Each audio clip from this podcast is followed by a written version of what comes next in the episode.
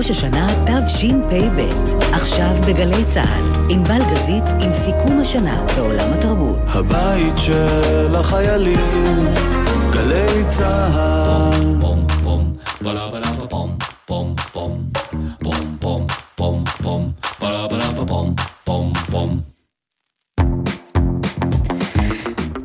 היא לא מותרות, היא לא רק עם מספיקים, או אם אין איזה משהו דחוף, היא לא מילוי זמן ביומני בוקר או במהדורות החדשות, היא לא ידיעה חביבה לסיום, היא לא רק כוכבים גדולים או פוסטים באינסטגרם, היא לא עיסוק איזוטרי למשוגעים לדבר. האמת שבשבילי, ענבל גזית, היא ממש אוויר לנשימה, ובשנתיים האחרונות הבנתי עד כמה התרבות הישראלית היא בלוני החמצן של החברה כולה. היא שומרת עלינו, על מה שאנחנו, על צלם האנוש, על הזהות היהודית, על האתוס.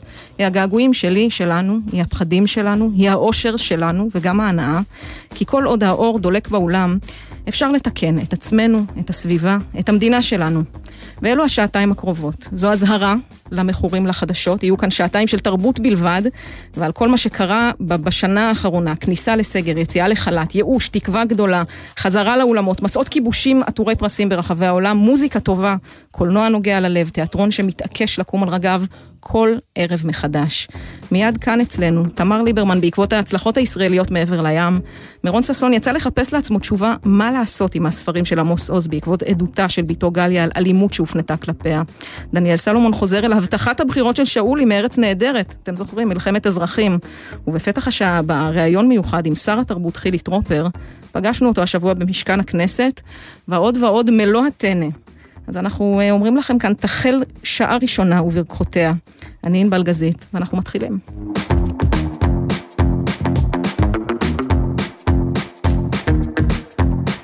חייבים להתחיל עם אה, מחלקת המוזיקאים, כן? סטטיק ובן אל, נועה קירל, נוגה ארז, בטלוויזיה יש לנו את אה, ליאור רז ואבי יששכרוף עם פגע וברח, חגי לוי עם תמונות מחיי נישואים והרומן בקולנוע, נדב לפיד עם הברך, מפה לשם, יוצא שהשנה החולפת הייתה מוצלחת במיוחד עבור לא מעט יוצרים ויוצרות ישראלים שהשיקו קריירות מבטיחות מעבר לים, חלקם ממש ממשיכים אותם.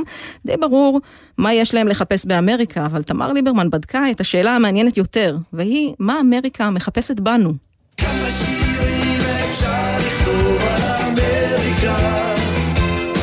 לכל ישראלי יש את החלום האמריקני, ורק מעטים בדרך כלל זוכים להגשים אותו, אבל לא בתשפ"א.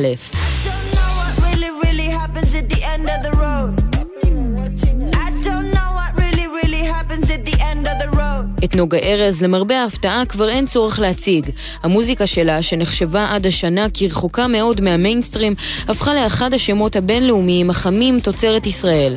מי שגדלה בקיסריה, שירתה בלהקה צבאית ולמדה באקדמיה למוזיקה בירושלים, תמיד ידעה שתרצה להגיע עם המוזיקה שלה רחוק.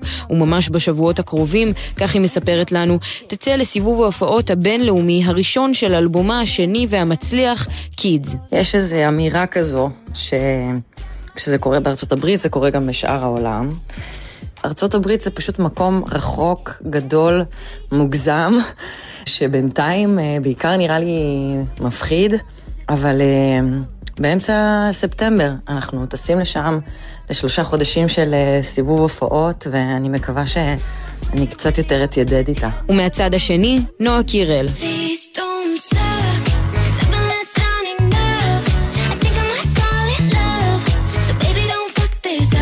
כוכבת הפופ הישראלית הגדולה ביותר, רק בת 20, חיילת מתנדבת בצה"ל, שבמקביל לשירות הצבאי השיקה השנה את הקריירה הבינלאומית עליה חלמה מאז ומעולם. אבל היא לא יכולה הייתה לדמיין שיום אחד חברת התקליטים האמריקנית אטלנטיק תחתים אותה על חוזה, אותה חברה שמייצגת אומנים כמו ברונו מרס, קולד פליי וסיה. הייתי עושה לעצמי שיחות בחדר עם עצמי. שאני מדברת עם מנהל מחו"ל ומשכנעת אותו למה לקחת אותי. כאילו, באנגלית. ואני הייתי ממש טובה שם, אני ממש הצלחתי לשכנע, אמנם לא היה שם אף אחד, אבל um, אני ממש, ממש ממש דמיינתי את זה מההתחלה ונורא כיוונתי לשם.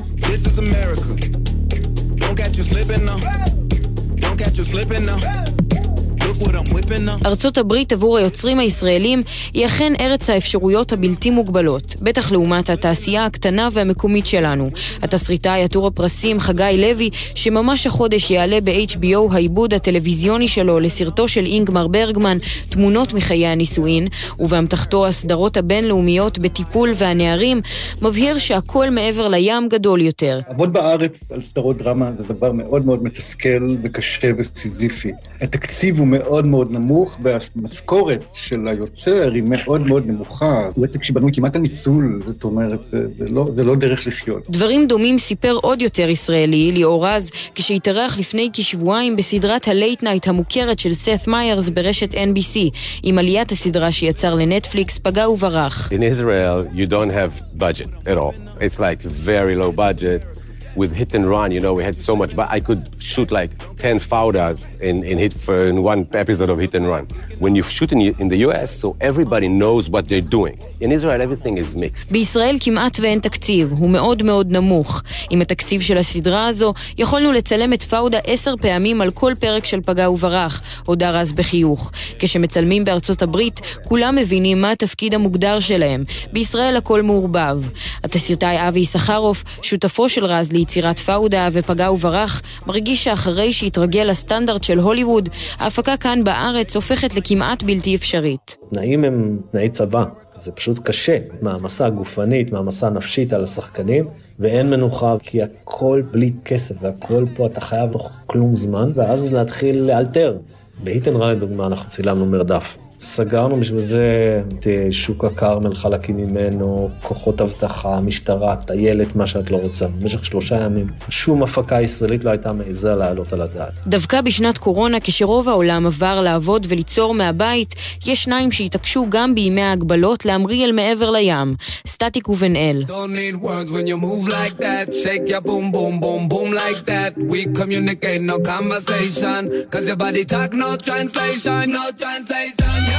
יואב גרוס, המפיק של הצמד, מתעקש שאי אפשר להצליח בחו"ל בשלט רחוק. לסטטיק ובן מאוד מאוד קשה לעצור את הקריירה שלהם בארץ לחצי שנה, לעבור לשם, להיות שם. זה דבר מאוד מאוד חשוב להצלחה, להופיע עם אנשים, לעשות שת"פים, להקליט, להכיר מפיקים. לנו זה מאוד מאוד בעייתי. וכשכבר כן צולחים את האתגר הגדול וזוכים להכרה בארצות הברית, נדמה שאתגרים אחרים רק מתחילים. חגי לוי למשל כותב את הסדרות שמיועדות לקהל דובר אנגלית בשפת אמו, עברית. רק לאחר סיום הכתיבה הן עוברות התאמה שפתית ותרבותית. כך נאלץ לשנות מעט את התוכן בעיבוד שלו לסדרה שתעלה בקרוב ב-HBO. יש רגע מסוים שבו האישה בתוך חיי הנישואים אומרת, אני לא יכולה לנשום, I can't breathe. ו-I can't breathe זה מונח שאי אפשר עכשיו להשתמש בו בשום הקשר חוץ מאשר ג'ורג' פלויד, אז הייתי צריך לנסח את זה אחרת, למשל, או הציעו לי נגיד להכניס דמות אה, משנה שהיא שחורה, שזה לא היה בא לי באופן טבעי.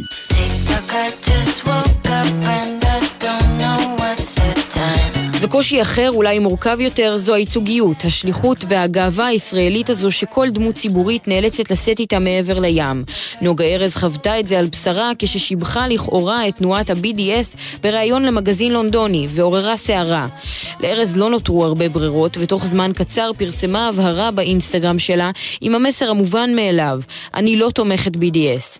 בניגוד לארז, שחש הצורך להתנצל, אם תשאלו את במאי הקולנוע נדב לפיד, שגרף הצלחה בינלאומית הבינלאומית בפסטיבל קאן השנה עם סרטו הברך, הוא לא מתכוון לשתוק לנוכח המתקפות עליו. מי שמצפה מבמאי קולנוע לעשות סרטים שמראים את היופי של המדינה, ואז רצוי גם כשהם מקבלים את הפרס לעמוד בהמנון, לעמוד דום. הוא בכלל לא מבין מה זה אומנות. כי מה שהוא מכוון עליו זה תעמולה.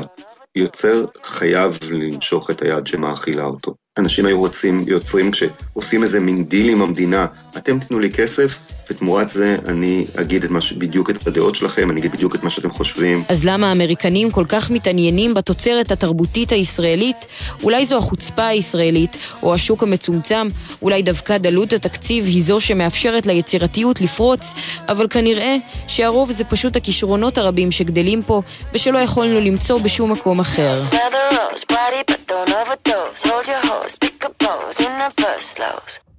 אני חושבת אולי על עוד שתי סיבות שיכולות להיות ככה למה שתמר ליברמן אה, אמרה.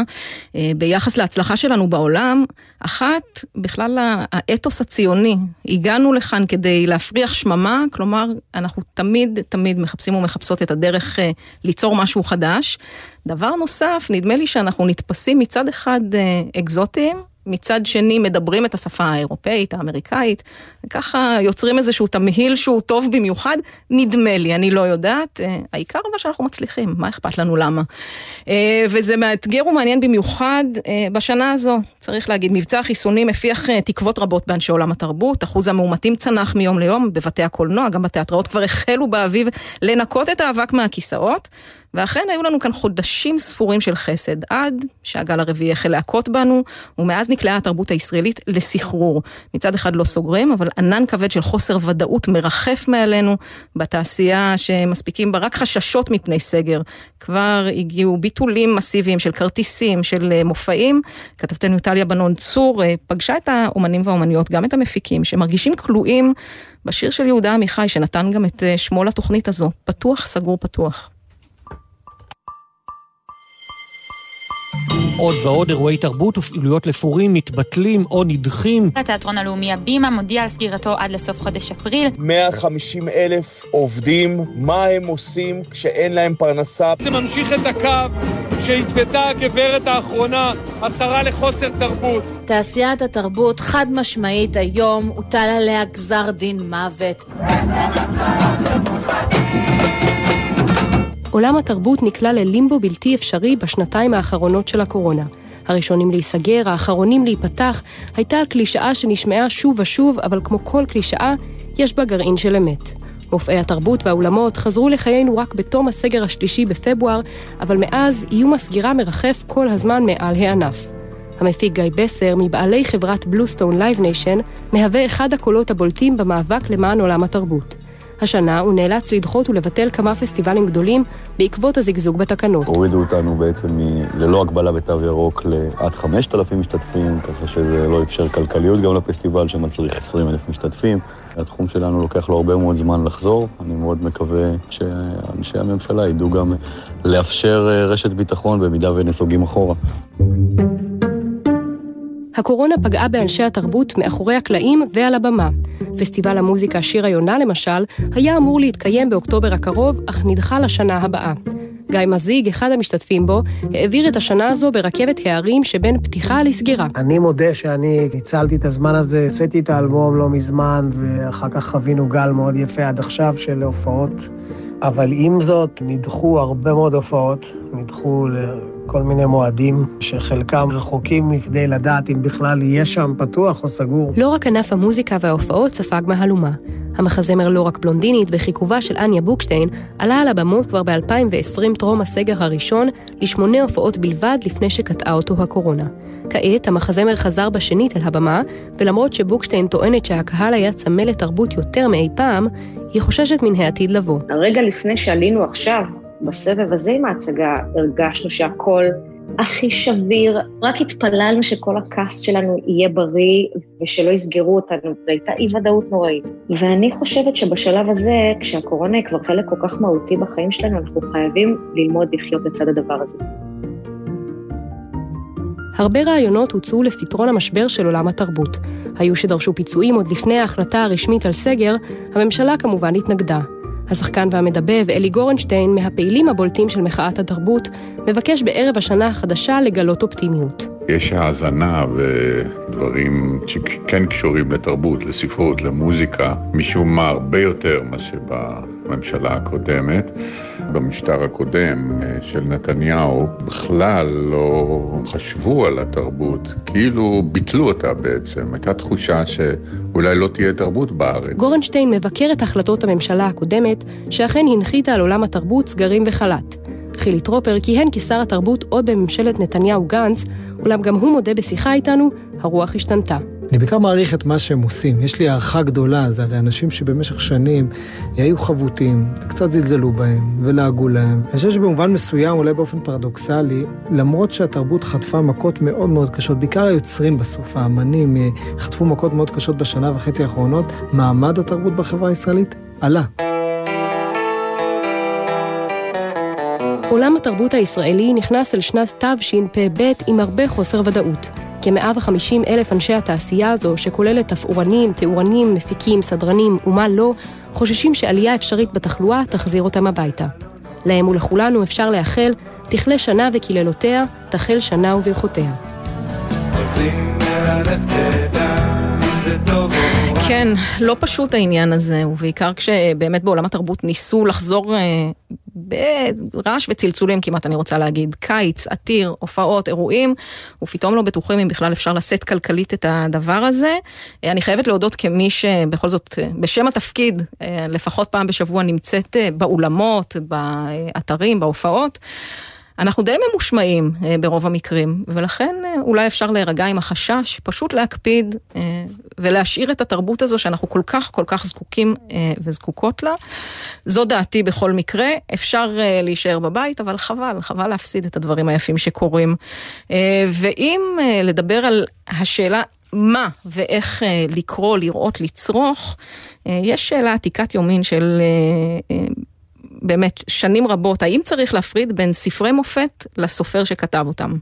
אנחנו מכירות את הסופרים הבעייתיים האלה, האם בכלל אפשר לנתק אה, בין היוצר ליצירה שלו, האם החיים האישיים משפיעים על האופן שבו צריך לקרוא את הספרים, או אפילו האם לקרוא אותו בכלל.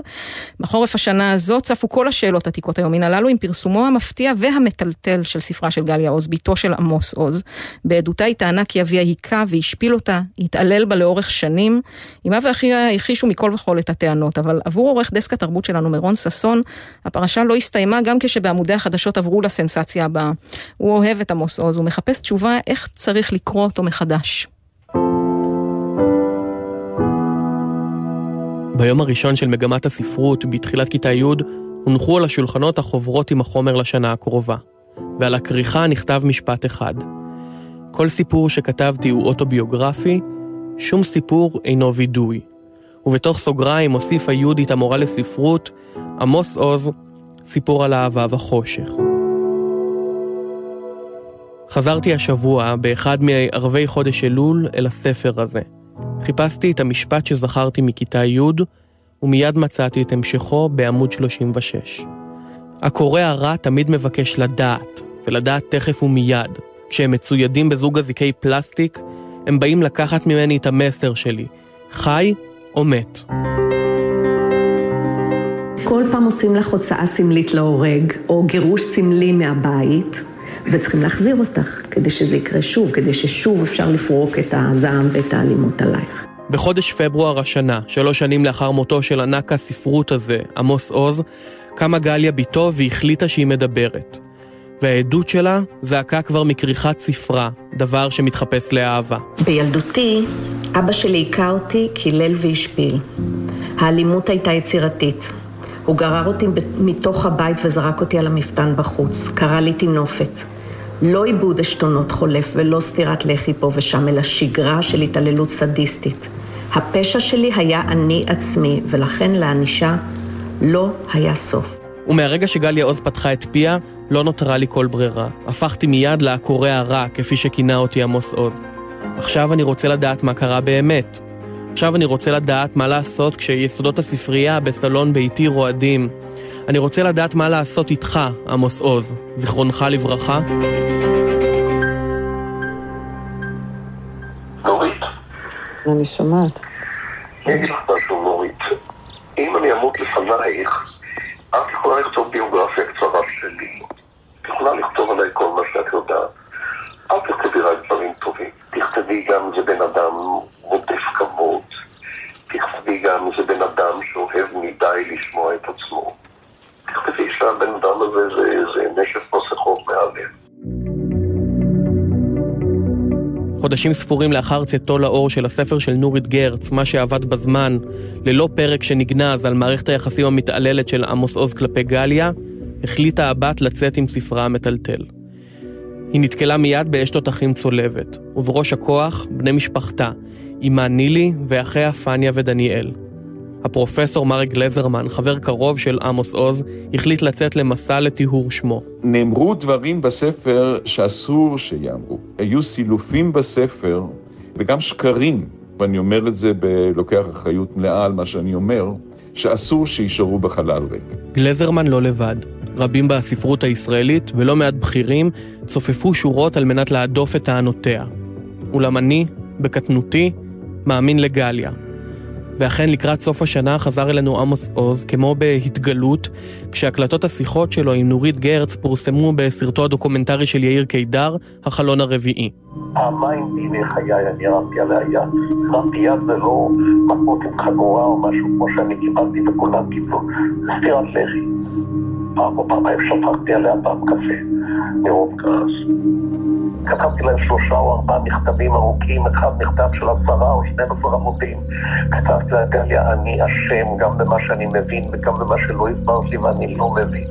שום סיפור איננו וידוי, אמרת בעצמך עמוס עוז. אבל כאן, כאן יש וידוי. חד, כואב, אותנטי. אבל מה יעשו כעת אנשים כמוני, שמאמינים לגליה, אבל מעריצים כל כך את המילים של עמוס עוז? מה לעשות, ציפי גון גרוס? אני חלילה לא מזלזלת בכאב שגליה עוז מרגישה. אני חושבת שזה עניין פנים-משפחתי. כאוב ככל שיהיה, זה עניין פנים-משפחתי, וזה לא צריך להשפיע על הקריאה שלנו. נסעתי לירושלים, לביתו של הפרופסור אריאל הירשפלד, חוקר הספרות העברית ומבקרה.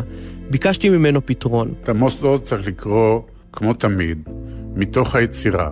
אני מוכרח להגיד שאני לא הגבתי, כמו רוב הקהל, באיזה מין אה, זעזוע ומיאוס. הוא לא היה כזה קדוש בעיניי מעולם. ומצד שני, העובדה שהוא לא קדוש, לא גרמה לי רק בהלה, אלא גם סוג מסוים של, אה, במובן מסוים, אמפתיה. עמוס עוז שיווק לנו במשך שנים תדמית מושלמת. מצפן מוסרי, יפה הבלורית והתואר, עילוי ספרותי, מקור לגאווה בינלאומית, איש בלי פגמים. אני יודעת שיש איזושהי טענה שצריך לעשות איזה חשבון נפש ולקרוא מחדש את האיש הזה שהיה אדם כזה הומניסט גדול, ושקראת אותו והרגשת מחובר לאיזו אהבת אדם. זו גילי איזיקוביץ', כתבת תרבות בעיתון הארץ. ואני מתקשה לקרוא אותו אחרת. אני כן מסוגלת לראות רובד נוסף שהתווסף אה, להיכרות שלי עם המילים שלו ועם הדמות שעולה מתוכם. כן, זה קצת פוגע בדימוי שהתפתח סביבו כל כך הרבה שנים, אבל הוא, הוא גם מעשיר אותו. אבל מה אפשר לעשות עם האלימות הזאת? עם האכזריות הבלתי נתפסת? עם הרוע שכוון כלפי הקרובים לו ביותר? הפרופסור וחוקר הספרות יגאל שוורץ מפציר בי לא לנתק בין הסופר לאכזריותו. עמוס עוז הוא עמוס עוז משום שהוא כל כך אלים. משום שיש בו את החיבור הזה של הרוויזיוניזם עם ה... למות או לכבוש את ההר מצד אחד, ודונם ועוד דונם מצד שני, ויורים ובוכים, ו... ושיח לוחמים, וכל החרטא הזאת, תסלח לי, כן?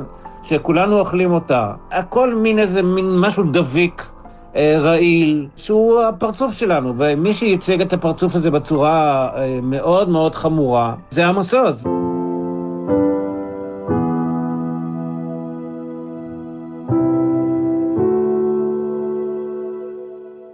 אני נעמד שוב מול הספרייה, בידיי שני הספרים. סיפור על אהבה וחושך של האב, ודבר שמתחפש לאהבה של בתו. האם להניחם זה לצד זה, או להעמיד כל אחד בנקודה הרחוקה ביותר? האם כדאי אולי לשים בתווך את יהושע קנז ודוד גרוסמן שיפרידו? או שאולי, בשעת לילה של סוף חודש אלול, כשאני כבר מזמן ישן, אולי יבחרו לשוחח זה עם זה? על אהבה שהתחפשה לחושך, על חושך שהתחפש לאהבה.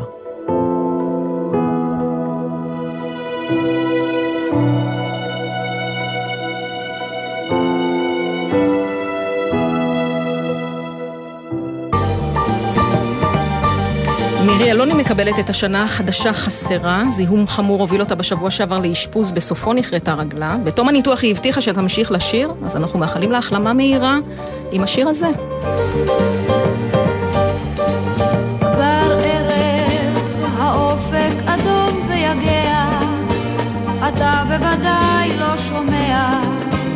אתה בוודאי לא יודע שהערב ערב חג. העיר אורותיה הדליקה, צמרות אשליה הסמיקה, כן חג יש בעיר ואני כאן מחכה לצעדך.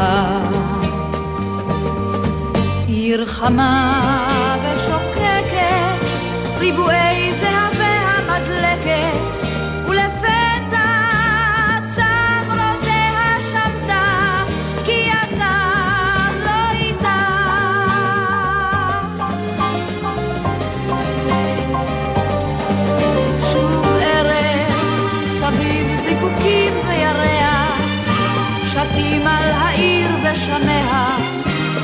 אולי רק אתה יודע מה קרה כאן ומתי.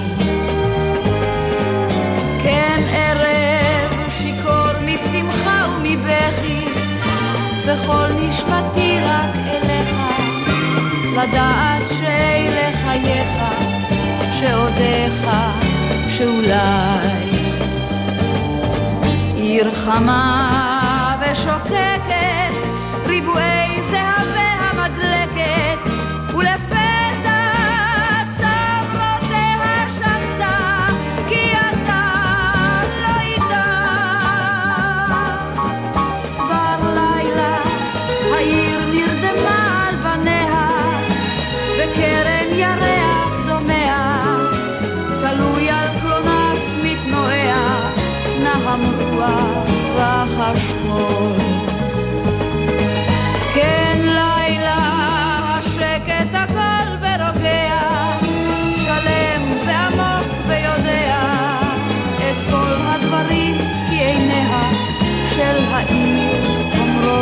cold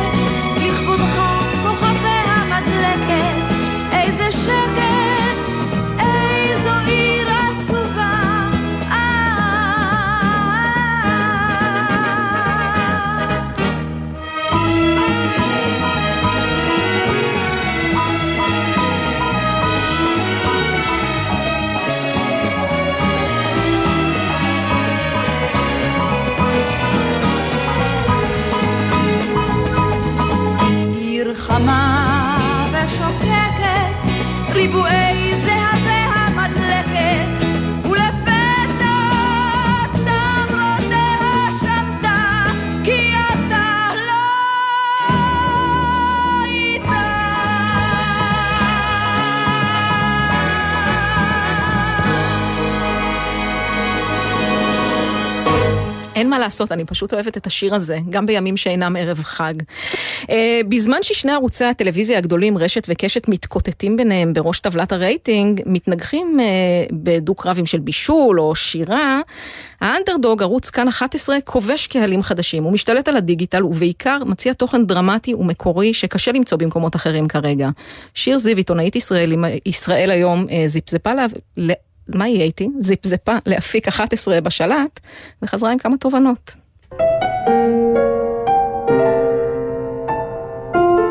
צוץ, תראה, מה? דירה משלנו. זו הייתה השנה של תאגיד כאן, ואולי השנה, שנה שתיזכר כיוצאת דופן, יצירתית, פורצת דרך, טוטאלית, דרמטית וקומית, והכי חשוב, ויראלית. בעוד קשת ורשת מתקוטטות על הבכורה, עוקפת את שתיהן מאחור האחות הקטנה גדולה, אך הפחות זוהרת, ומראה לשתי יצרניות התוכן איך מתנהגים בהתאם. מוותרים על הריאליטי, מתמקדים בתוכן ישראלי מקורי, מקדישים את הפריים טיים לגילוי כישרונות חדשים, מגלים אומץ לב. תכל'ס, מאיפה הקריצו עכשיו מ"מ ביום קליטה? ימצאו מ"מ והכל יסתדר. מה אם אף אחת לא תרצה? למה שמישהי לא תרצה להיות מ"מ? המפקדת הייתה הפאנץ' של השנה, סדרה מרעננת ומפתיעה, שמתארת הוואי צה"לי שכל ישראלי מכיר. אך לא רק את פני צה"ל פגשנו בכאן, גם את כחולי המדים, בראשם שלום אסייג, החוקר הנכלולי איזי, בתפקיד דרמטי מרשים בסדרת הפשע מנאייק, שהציגה משטרה קצת אחרת מזו שמוצגת בדרך כלל במהדורות החדשות. שלושת המוסקטרים של ימ"ר תל אביב. הטוב, הרע, והמנהיג. אנחנו משחררים פסיכופת עם נשק ותעודת שוטר בחזרה לרחוב. אחד משיאי השנה בטלוויזיה הייתה טהרן, דרמת הריגול הבינלאומית של כאן. ניב סולטן הוכיחה שהיא הרבה יותר סוכנת סמויה מאשר הבת של השכן ממול, ועם קאסט חזק לצידה, הפכה טהרן למוצר מבוקש, דובר שלוש שפות, אנגלית, עברית ופרסית. את חושבת שאת יכולה לחזור פנימה? כן. קחי רגע נשימה. אני יכולה. יש לנו פחות מ-50 דקות. מספיק. אבל גולת הכותרת הייתה ללא ספק האחת והיחידה חזרות.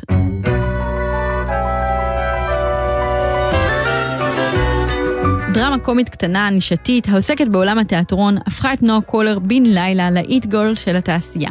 קולר יצרה וכיכבה יחד עם ארז דריגס בסדרה שהפכה לוויראלית ולקאלט שעוד ילווה אותנו שנים. אני נינה. את לא. אני נינה. את לא. אני נינה. סיימת? כן. יופי. לצד הפריצות הגדולות שמרה כאן על קו אחיד עם תוכניות קיימות שהמשיכו לעונות חדשות. סליחה על השאלה ופגישה עם רוני קובה נותרו מאבני היסוד עליהן נבנו הקומות החדשות והנוצצות בבניין התאגיד. אם לסכם את השנה, עם או בלי אירוויזיון, הייתה לכאן עונת דוז פואה. עכשיו הציפיות עלו והתאגיד יצטרך לספק את הסחורה גם בשנה החדשה. האם העונות הבאות יעמדו ברף הגבוה? האם הבאז יחזור? נצפה ונגלה. אני צופה, אגב, כבר מזמן לא בטלוויזיה, איזה יופי שזה נמצא בדיגיטל ואפשר מתי שאני רק רוצה. אה, אני מזכירה שאנחנו כאן אה, ממשיכות לסכם את שנת תשפ"א אה, בתרבות, ובהמשך יהיה כאן גם ראיון חגיגי עם שר התרבות חילי טרופר, ועוד ועוד, אבל היה לנו עוד איזה עניין טלוויזיוני קטן השנה, כן? צריך להגיד, תוכניות הסאטירה בישראל חוות בשנים האחרונות פיחות משמעותי, כשלמעשה נותרה במערכה רק ארץ נהדרת הוותיקה הטובה, אבל יש רגעים נדירים אמנם. בעולם שבהם מערכון אחד הופך לשיחה בכל ארוחת שישי. זה קרה השנה בשיאו של ליל הבחירות, כאשר שאולי אחד, מוכר ואהוב בגילומו של אסי כהן, התייצב מול המצלמות רגע לפני מדגמי הטלוויזיה והציע לנו חגיגית לצאת למלחמת אזרחים. דניאל סלומון כתבנו חזר אל יוצרי המערכון וגם יצא אל הרחובות לברר האם נבואתו של שאולי צפויה להתממש. שלום. שלום לכם. מה שלומכם? היי. איך אתם? תשתו משהו, תאכלו? לא? אתם רוצים נס? היא עשתה אתמול כד? וואי, צליגה, חבל על הזמן, זה מתכון מטיקטוק. נס קפה הכי טעים יום אחרי, תדעו לכם את זה. שהטעמים אה, נספחים. בדוק. לא, לא, לא, לא תודה. אה, ספרו, מה שלומכם? השעה הייתה כמה דקות לפני עשר בלילה, ב-23 במרס השנה, ליל הבחירות הרביעיות, כששאולי ואירנה הזמינו את כל אזרחי ישראל לסלון שלהם, לשמוע את ההצעה שלהם לסיום הסבך הפוליטי. די עם החרטא הזאת, תעשה, על מי אנחנו עובדים? כל מי שיש לו טיפה שכל על הכתפיים יכול לראות שזה לא עוזר. זה לא. עובדה שאנחנו פה עוד בחירות ועוד בחירות ועוד בחירות, זה לא עוזר. אז מה הפתרון? רק מלחמת אזרחים. בצער אני אומר, כן? ברגשות מעורבבים. לאף אחד לא בא מלחמה עכשיו, אבל אין, אין מה לעשות. העם הזה לא נדבק. אין כימיה. לא מסתדרים. כלום אין לעם הזה במשותף. חוץ מזה שניסו לרצוח אותנו בכל העולם, אז כולם ברחו לפה, זהו. שאולי ואירנה ידעו היטב מה הם עושים. כך גם אנשי ארץ נהדרת שעמדו מאחורי המערכון הזה, בחיכובם של אסי כהן וליאת הרלב. תשאלו כל מי שצפה במערכון בליל הבחירות או בבוקר למחרת, וכנראה לא תמצאו אחד שהצליח להסיר את העיניים מהמסך למראה האימה המצחיקה כל כך. כל מדינה שמכבדת את עצמה עברה מלחמת אזרחים. תראה את העם האמריקאים, שלפני המלחמת אזרחים מה היה שם? מערב פרוע. והיום הם הגיעו לירח, לכאורה. למעשה מדובר במונולוג שמסתובב אצלנו כבר כמה חודשים. זה מולי שגב, העורך הראשי של ארץ נהדרת. אסי כתב אותו בכלל בשביל איזה מופע שהוא מעלה, אבל הוא נורא נורא התלבט, ואמרנו ש... שנחכה להזדמנות אה, טובה אה, לעשות איתו משהו. ובישראל של 2021, אחרי ארבעה סבבי בחירות, בתוכנית הסאטירה המובילה בארץ החליטו לשלוף את הפצצה המתקתקת שנשמרה עד כה במחסן. התחושה הייתה שהקרע הזה נורא מציק לאנשים, נורא מטריד אנשים, נורא מפחיד אנשים. ובצדק האמת. מטבע הדברים בחירות הם קונפליקט. וכשזה מגיע בסיבוב רביעי, ושזה עוד uh, הטונים שהיו בבחירות האלה, אז כן, זה לגמרי נגע בנקודה מאוד כואבת, ובגלל זה היו כאלה תגובות. אנחנו לעומתם יודעים להילחם. אצלנו כולם היו חיילים, כולם היו בצבא, לכולנו יש ציוד בבית, ברוך השם. אז רק לנו אין מלחמת אזרחים? חלאס, בוא נגמור עם זה, בוא נפתור את זה, די. והתגובות לא איחרו להגיע. וגם השבוע, כששוטטנו בשוק הפשפשים ביפו, אפשר היה להבין עד כמה האפשרות של מלחמת אחים הפכה לחשש סביר בציבור. תראה את הפילוג שקורה בארץ בעקבות כל מיני אירועים אה, פוליטיים. אני חושב שיש סיכוי למלחמת אזרחים. נראה לי שהוא קצת צדק בקטע של העתיד. יכול להיות שזה יכול להיות בעתיד, הדבר הזה, מה שהוא אמר. מלחמת אחים לא יהיה, אבל עמלק בעזרת השם יהיה בקרוב. ברור שזה יקרה, זה קרוב מאוד, מה זה? אתה לא רואה מה הולך ברחוב? מלחמה אוטוטו זה יהיה. זה רק עניין של זמן. אם תשאלו את אפרים סידון, שאחראי על כמה מהסאטירות המשובחות שראינו כאן, כמו ניקוי ראש והחרצופים, כוחו של המערכון בפשטות המצמררת שלו. מה שיפה פה, המנגנון הקומי בנוי על זה שזה נאמר בפשטות כרעיון אה, נורא נורמלי ונורא טבעי. כלומר, הדרך מפה, ממערכת בחירות מסוימת, להבא היא מלחמת אזרחים, וצריך לקבל את זה, וזה תהליך טבעי, כמו שאחרי uh, קיץ מגיע הסתיו, וכמו שאחרי האביב מגיע הקיץ. עצם העובדה שזה נאמר כל כך בניחותא, זה מה שעושה, גורם לך את ה...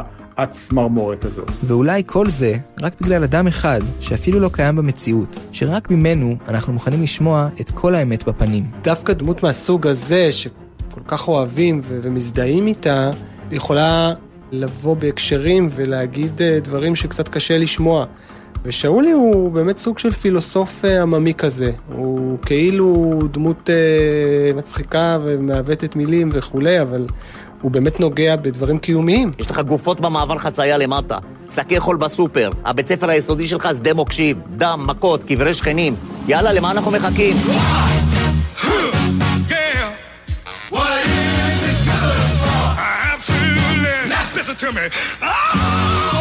ומי יהיו הכוחות הלוחמים שהתייצבו בין שני צידי המתרס במלחמת האזרחים אם תתרחש חלילה? לפי הערכות בשוק הפשפשים השבוע, תהיה זו מלחמת קול בקול. אשכנזים, מזרחים, ימין ושמאל, לבן ושחור. עם ערבים, עם הערב רב שיש בתוכנו. בוא נגיד תומכי נתניהו, נגד לא סומכי נתניהו. מי שמחפש נחמה, יכול למצוא אותה אצל אברום בורג, יושב ראש הכנסת לשעבר, שבדרכו מבקש להרגיע. אין ממה לחשוש, מלחמת האזרחים כבר כאן. אומרים מלחמת אזרחים ויש איזושהי הרגשה שרחובות העיר נחצים עם בריקדות, ואלה לובשים מעילים אדומים ואלה לובשים מעילים כחולים ויורים אחד בשני. זה לא בהכרח נראה ככה, אלה מלחמות של המאה ה-19. בישראל יש לפחות שתיים וחצי מלחמות אזרחים. גם אם המונולוג של שאולי רגע לפני מדגמי הבחירות עורר בכם פאניקה מוחלטת, וגם אם נסח בכם ביטחון, אפרים סידון מתבונן לאחור ומודה, בסופו של דבר, כוחה של הסאטירה מוגבל. שום מהפכה לא התחילה מפזמון או מערכון. אה, מה שעושה הסאטירה, היא מחדדת דברים, היא פוגעת באנשים חזקים, היא, היא מציבה מראה מול מציאות, אבל היא, היא לא משנה אה, עובדות. כמו שאני אומר הרבה פעמים, אה, מה שיכולה לשנות סאטירה זה את מצבו הכספי של אה, הכותב או של המבצעים, אבל אה, לשנות מציאות קשה לה מאוד. עוד מערכת בחירות עברה, עוד גל תחלואה פרץ, עוד ממשלה הושבעה, עוד מבצע בעזה החל והסתיים, ועוד שנה חולפת, ומלחמת האזרחים, ברוך השם, נשארת כרגע רק כחומר לתוכניות הסאטירה. בטוחים שאתם לא רוצים נס? אתם לא. רוצים לשתות? לא תודה. לא להתבייש לי. לא להתבייש. אה, צריך להגיד ביושר שלבחירות אנחנו אה, הולכים והולכות אה, מתוך פחד, ואולי כאן לשדרג או לשלהב את מלחמת האזרחים כדאי, אבל דווקא התרבות עושה את הפעולה ההפוכה. כל מי שיושב יחד באולם או מול הטלוויזיה או שומע ושומעת שיר, מרגישים חלק מאותה חוויה אנושית. אז בעניין הזה אני לא בטוחה לאן שאולי נכנס, תחת איזו קטגוריה. אבל אנחנו נמשיך כאן בסיכום השנה בתרבות. ואני רוצה לגעת מעט בדרמה של תיאטרון הבימה. היא נמשכת כבר קרוב ל-25 שנה עם חובות עתק, הלנת שכר, היצע אומנותי שדשדש, טענות לחלופה לשלטון, מה לא היה שם. דווקא בשנה האחרונה, כשכל התיאטראות עמדו בפני משבר גדול, בהבימה יצאו לדרך חדשה עם החלטת המדינה ובית המשפט להעבירו לבעלים חדשים ולקצץ בחובותיו. אז מה צופן העתיד לתיאטרון הלאומי שלנו? הכתבה של אור זוהי סולומוני. עוד חוזר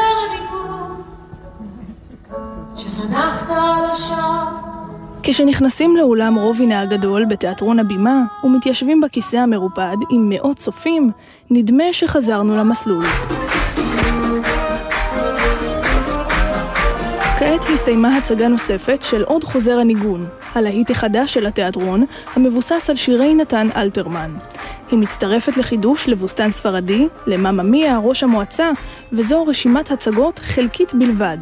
ביום המחרת אנחנו מצטרפים למנכ"ל הבימה, נועם סמל, כשהוא מקבל עדכון על מכירות הכרטיסים. כן, עינת, כן. כן, זה בסדר. כמה אנשים יש? טוב, זה הכי פחות שהיה לנו עד היום, נכון? אוקיי. איך המצב מחר בצהריים? אה, יש לנו גם מחר בערב גם. לא זכרתי. טוב, אני אבל באמצע איזה רעיון, אז אני אדבר איתך עוד רבע שעה. ביי. אולם בשנה האחרונה הטרידו את סמל, המנכ"ל החדש של התיאטרון, צרות גדולות מאלה. הבימה נקלע לסחרור של דיונים בבית המשפט וסכסוך עבודה בין השחקנים וההנהלה. כששחקן אומר, אין לי כסף בשביל רב קו לבוא לתיאטרון, אין לי כסף לתת חלב לילדה שלי, אז זה בא עד הנה ואתה רוצה לצרוח. שאני צריכה להחזיק מלבישה שהיא לא תתאבד. כי אין לה כסף. חובות בסך 100 מיליון שקלים, שנצברו במשך עשרות שנים, איימו על המשך קיומו של התיאטרון. לבנקים ולנושים האחרים כבר לא הייתה סבלנות, וגם השחקנים והעובדים שלא קיבלו את משכורתם, החליטו שנמאס. לפני כשנתיים מונו שני נאמנים לתיאטרון, ובשנה האחרונה גובש הסדר נושים.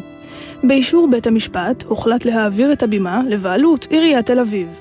שמולי כהן, יושב ראש ועד השחקנים של הבימה, חוזר אל הימים הקשים של שנת 2020. חלק מהשחקנים עזבו. חווינו תקופה מאוד מאוד קשה בהבימה. ויש לנו סימנים, סימנים בגוף וסימנים בנפש. ולא כולם רצו להמשיך. אבל בסדר, אני, אני מאמין, רוצה להאמין, שאנחנו נכנסים לדרך חדשה וטובה. אני צועק, הצילו, את שומעת. למרות עזיבות ספורות של שחקנים, ולמרות העובדה שרובם ויתרו על חלק גדול מהכסף שהתיאטרון חייב להם, הבימה שרדה עם גרעין גדול של שחקנים שהחליטו להישאר. השחקנית דפנה דקל למשל, המשתתפת כיום במחזה עוד חוזר הניגון, לא חששה לחזור להבימה, אף על פי שנכוותה בעבר. יש כמובן הידוק של החגורה מהרבה מאוד uh, אספקטים. פחות פזרנות, יש התנהלות יותר בהירה, יש שקיפות שלא הייתה בהבימה שנים. לעת עתה התיאטרון עדיין לא החליף בעלות, והכדור נמצא במגרש של החשב הכללי במשרד האוצר, שעדיין לא העניק את האישור המיוחל. במשרד התרבות אומרים לנו שמעבר התיאטרון נמצא בהחלפת טיוטות אחרונות לגבי תקנון התיאטרון מול משרד הפנים ועיריית תל אביב. אולם אף על פי שהבירוקרטיה לא הסתיימה, המנכ"ל נועם סמל מתחייב עברו הימים של הזלזול בשחקנים והיוצרים. כולם מקבלים את המשכורת במועד, תמלוגים משולמים כדת וכדין. מרגע שנכנסו נאמני בית המשפט המחוזי, הכל מתנהל כדת וכדין. וגם יש מבט מתמיד על המזומנים, זאת אומרת, לא עושים דברים שאין להם גיבוי כספי. היה נדמה שהבימה כבר עולה על דרך חדשה, שתהליך ההבראה נותן את אותותיו. ואז הגיעה הקורונה. שום סלע לא יזיז אותי מפה ושום ענק נורא לא יוכל לי. אסור להשאיר את הבמה הזאת ריקה! כמובן, זה מקצוע! תבואו לכאן ותדברו לאנשים שצריכים את העזרה שלכם. במשך כל 114 שנותיו, ידע תיאטרון הבימה רגעי משבר קשים, מהם יצא בשן ועין. חלק מסוד הישרדותו נמצא אצל הקהל, כמו אלה שיצאו זה עתה מעוד חוזר הניגון, ונשבעים לפקוד את הבימה, פעם אחר פעם. אוי, מדהים, מדהים, מרגש, הלב שלי ככה התרחב. אנחנו יכולים לשבת כאן עוד שלוש שעות ולהמשיך ולשמוע. אני מהדור הישן. אני זוכרת שהקימו את הבימה. ולא הפסדתי כמעט אף הצגה. ואנחנו כבר שלוש דורות, זה אני והבת שלי וזאת אימא שלי, ואנחנו כולנו מאוד מרוצים, אה, מאוד מקווים שהבימה תחזיק מעמד, ואני חושבת שעם הקורונה ועם ההסדר נושים ועם הכל והיא פה, אנחנו מאמינים שזה ימשיך.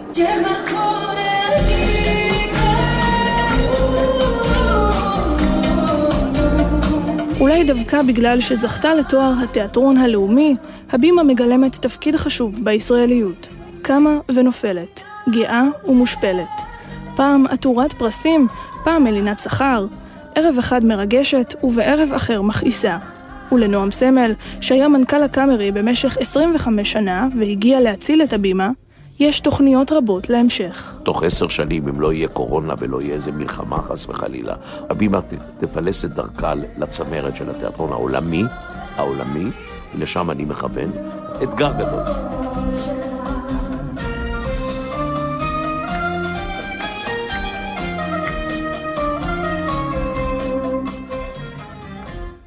כולנו תקווה באמת שהבימה תצליח לצאת אה, מהבוץ הזה סוף סוף.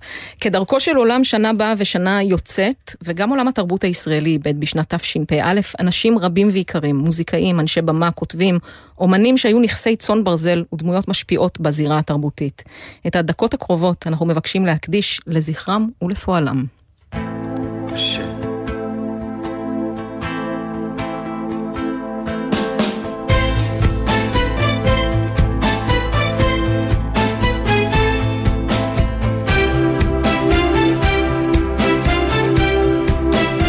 אבי קורן, פזמונאי, שדרן גלי צה"ל. בכיתה ז' הייתי אצל דודים שלי בכפר ורבורג. להקת הנחל הופיעה שם עם עד 120. אמרתי, אני אהיה שם. כבר יבשו עינינו מדמעות, ופינו כבר נותר אילם בלי קול. דני קרוון, פסל וחתן פרס ישראל. עבודות שלי הן עבודות שמזמינות בני אדם לחיות בהן, להרגיש אותם, לראות דרכם. רוני דניאל, עיתונאי. להיות פטריוט זה לא אומר אה, להגיד אמן אחרי כל מהלך שהמדינה שלי עושה או הצבא עושה. ממש לא. גם בהינתן שנופלת לי ליד ידיעה שהיא לא לטובת הצבא, אני בכלל לא אהסס, אני אפרסם אותה. רוני פינקוביץ', במאי ומחזאי. יש משהו במדיום עצמו, בתיאטרון, לבד מהמילה הכתובה, שגם מחזה זה לא בדיוק ספרות, זאת אומרת, זו ספרות גדולה, אבל בתיאטרון אין כלום, יש את הרגע והוא חולף, וזה, ואחר כך זה נגמר. בדומיית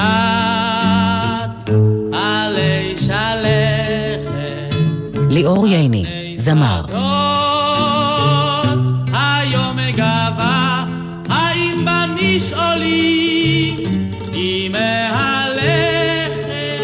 יעקב אגמון, מנהל תיאטראות הבימה והקאמרי ומייסד תיאטרון בית לסין ותיאטרון בימות, שדרן גלי צה"ל.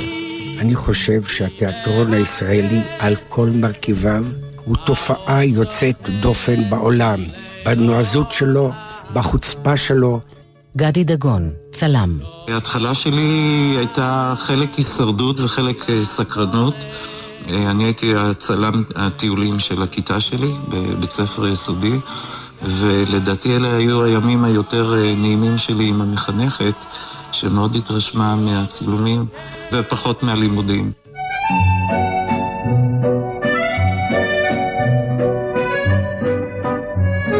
ריקה זרעי, זמרת. היו, היו כאן פעם שקמים, חולות מסביב וגם נוף. העיר תל אביב של אותם הימים, הייתה בית בודד על החוף. עמרי ניצן, במאי תיאטרון. כשאני עובד על מחזה, אני יכול להעיד אם זה כתב שייקספיר או כתב סובול, אני קורא אותו כמו בחור ישיבה, ועל זה נאמר והגית בו יומם ולילה. והרבה מההבנה של המחזה באה מההבנה של החיים, מהניסיון להבין את החיים.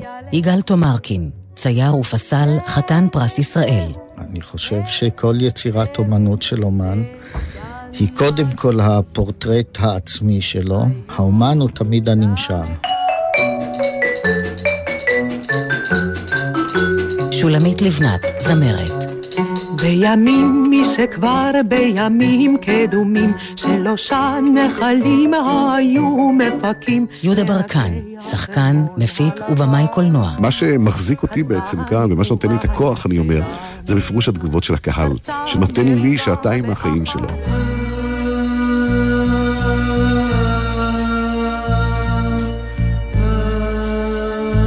אילנה רובינה, זמרת.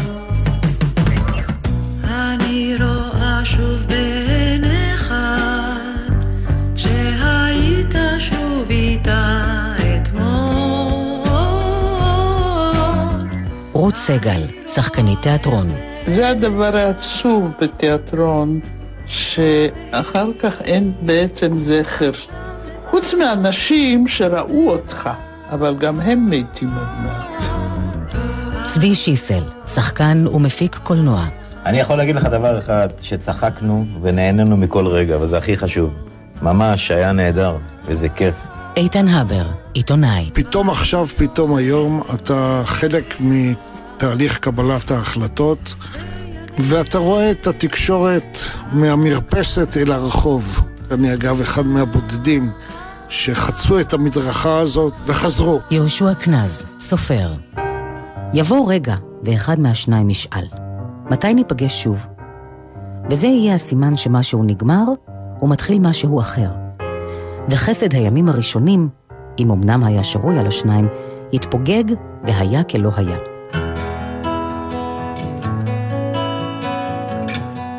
נתן זך, משורר, חתן פרס ישראל. אני לא פוחד מהמוות, אני לא אוהב אותו.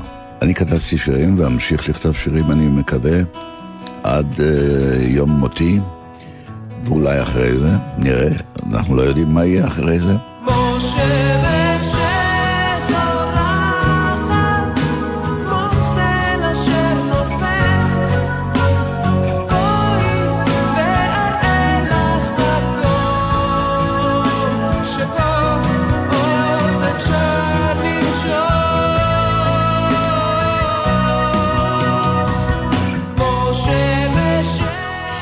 יהי זכרם ברוך.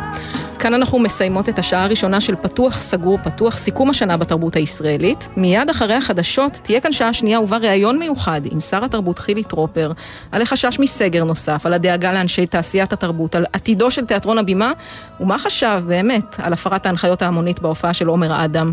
נסתכל לאחור גם על פרשת משה איבגי, מה היינו צריכות ללמוד ממנה. נפצח את הנוסחה של כמה מהלהיטים המוזיקליים הגדולים ביותר של השנה החולפת, וניזכר בכמה סערות בעולם התרבות. ואולי שערות בחוסטה. עורך דסק התרבות ועורך התוכנית הזו הוא מרון ששון, המפיקות הן אופק רוזנטל ונויה מאירי, על הביצוע הטכני אחינועם ויינברג, אני ענבל גזית, חדשות, ואנחנו חוזרות.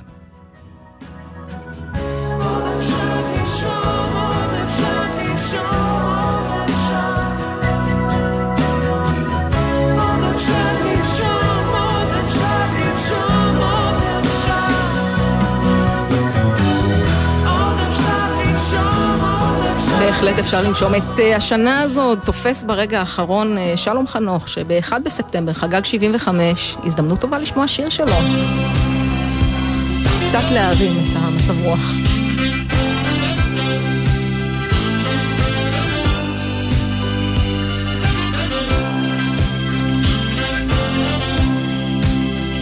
נשבר השלם, עולה הלחות, השמיים מתכסים עננים. נוסע אלייך אישה יפה, והרוח מצליפה בפנים. הכל כבר מחכה לקשר, ואני עייפתי לרוץ. הביתה עוד מעט, הרי לא תעזבי אותי בחוץ. הכביש מתפתל, כפר ערבי, עצי תאנה במדרון, אדם עם כפייה, אנשים בשחור, רואים כבר קיפו את הצאן. אני עף אלייך כמו ציפור, כל כלי רכב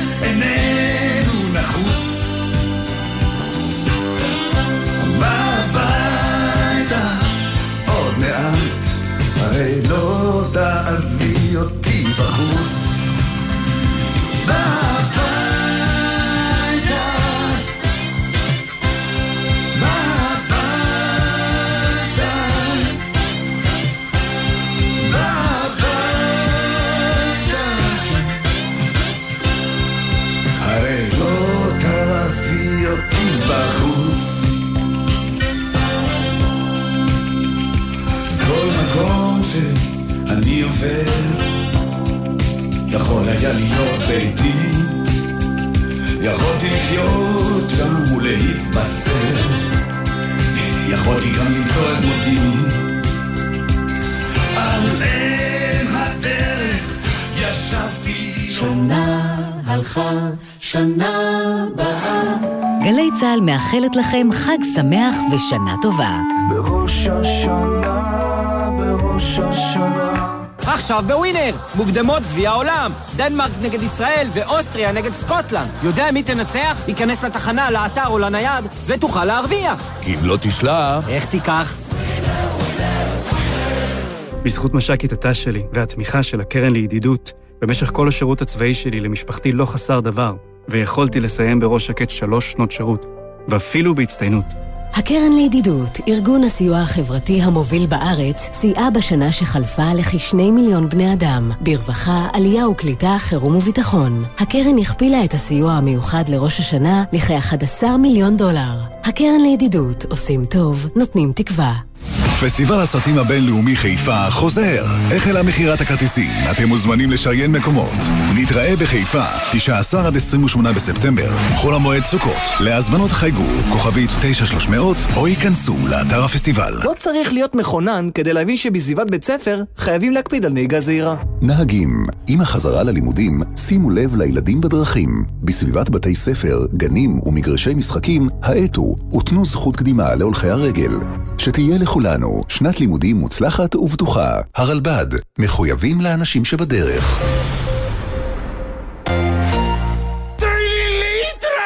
הפשוטה חוזרת לגלי צה"ל לטקס הפרסים המוגזר של השנה. נועה קירל, נועה קולר, רן דנקר, אמיר שוש, רמזי, עדן אלנה, עדן חסון, מאיה ורטהיימר ואסף זמיר, רוני דואני, עודד פז, אילן רוזנפלד, יניב קומישוק, להקת עדן וליבי רן. כולם יהיו שם. ואתם?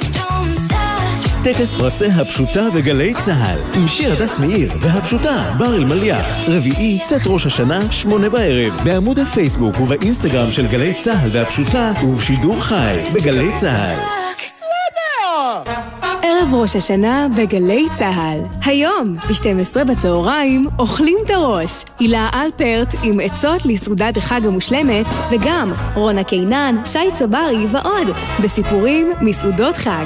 ובשלוש, תשליך. נועה קולר ויניב ביטון נפטרים מהדברים המיותרים בשנה החולפת. שנה טובה ומתוקה, מגלי צה"ל. ראש השנה תשפ"ב, מיד אחרי החדשות, עם בלגזית.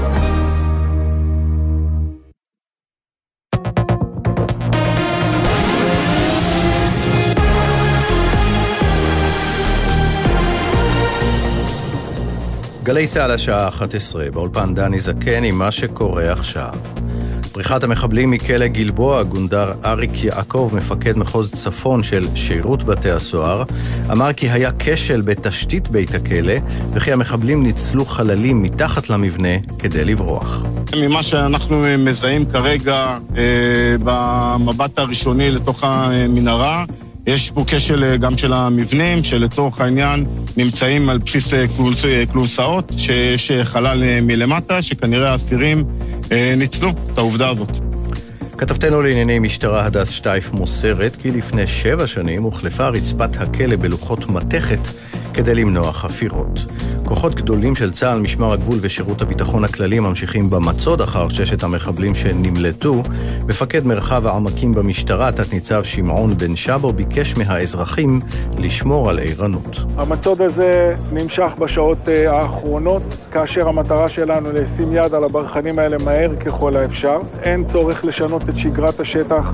יש כוחות גדולים של משטרה שיהיו בתוך הערים. אני כן מבקש ערנות אזרחית. לכל דבר חשוד שנראה בהיקף היישובים, בשטחים הפתוחים או במקומות אחרים.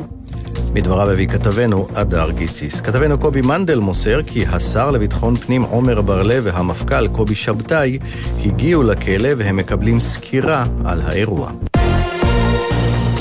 בין האסירים שנמלטו מכלא גלבוע, חמישה מחבלים מהג'יהאד האיסלאמי, ארבעה מהם נשפטו למאסרי עולם בשל פיגועים שבהם נרצחו ישראלים. כתבנו לענייני צבא דורון קדוש מוסר כי השישי הוא איש הפת"ח, זכריה זביידי, שהיה עצור בשל פיגועי ירי שבהם השתתף לאחרונה באזור ג'יינין. חמאס והג'יהאד האיסלאמי פרסמו הודעת ברכה לרגל הבריחה, ובג'נין נורו צרורות באוויר לאות שמחה. כתבנו ג'קי חוגי מוסר כי לפי דיווחים בתקשורת הערבית, מי שהוביל את הבריחה היה מחמוד אל-ערדה, שהיה מנהיג אסירי הג'יהאד האיסלאמי בכלא גלבוע. באפגניסטן הודיע ארגון טליבן כי השלים את השתלטותו על כל המדינה, לרבות החבל המורד פנג'שיר. הארגון פרסם תמונות של אנשיו בעיר הבירה של החבל. מנהיג השבטים בחבל, אחמד מסעוד, הצליח כנראה להימלט. בהודעה שפרסם נאמר כי הוא במקום בטוח.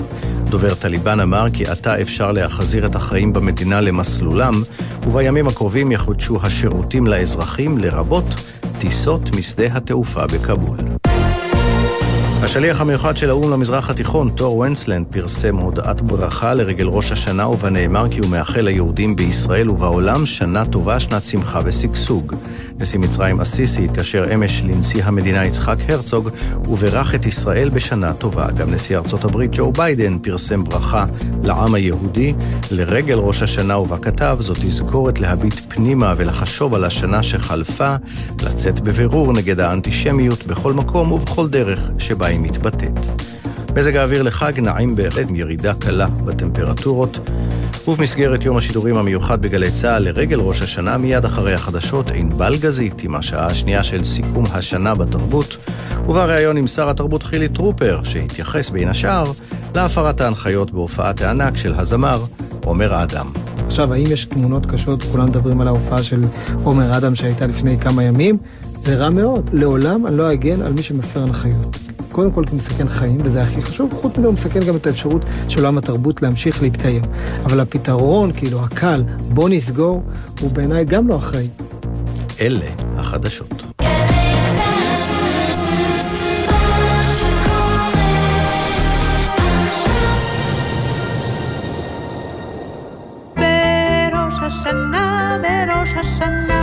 גלי צה"ל מאחלת לכם שנה טובה.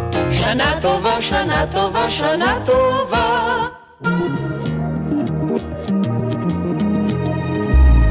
ראש השנה תשפ"ב, עכשיו בגלי צה"ל, עם בלגזית עם סיכום השנה בעולם התרבות. הבית של החיילים, גלי צה"ל. פום, פום, פום, בלה בלה פום, פום, פום, פום, פום, פום, פום, בלה בלה פום, פום, פום. שלום לכן, חג שמח, אתן על השעה השנייה של פתוח, סגור פתוח, מסכמים את שנת תשפ"א בתרבות הישראלית. מיד יהיה כאן ראיון מיוחד עם שר התרבות חילי טרופר.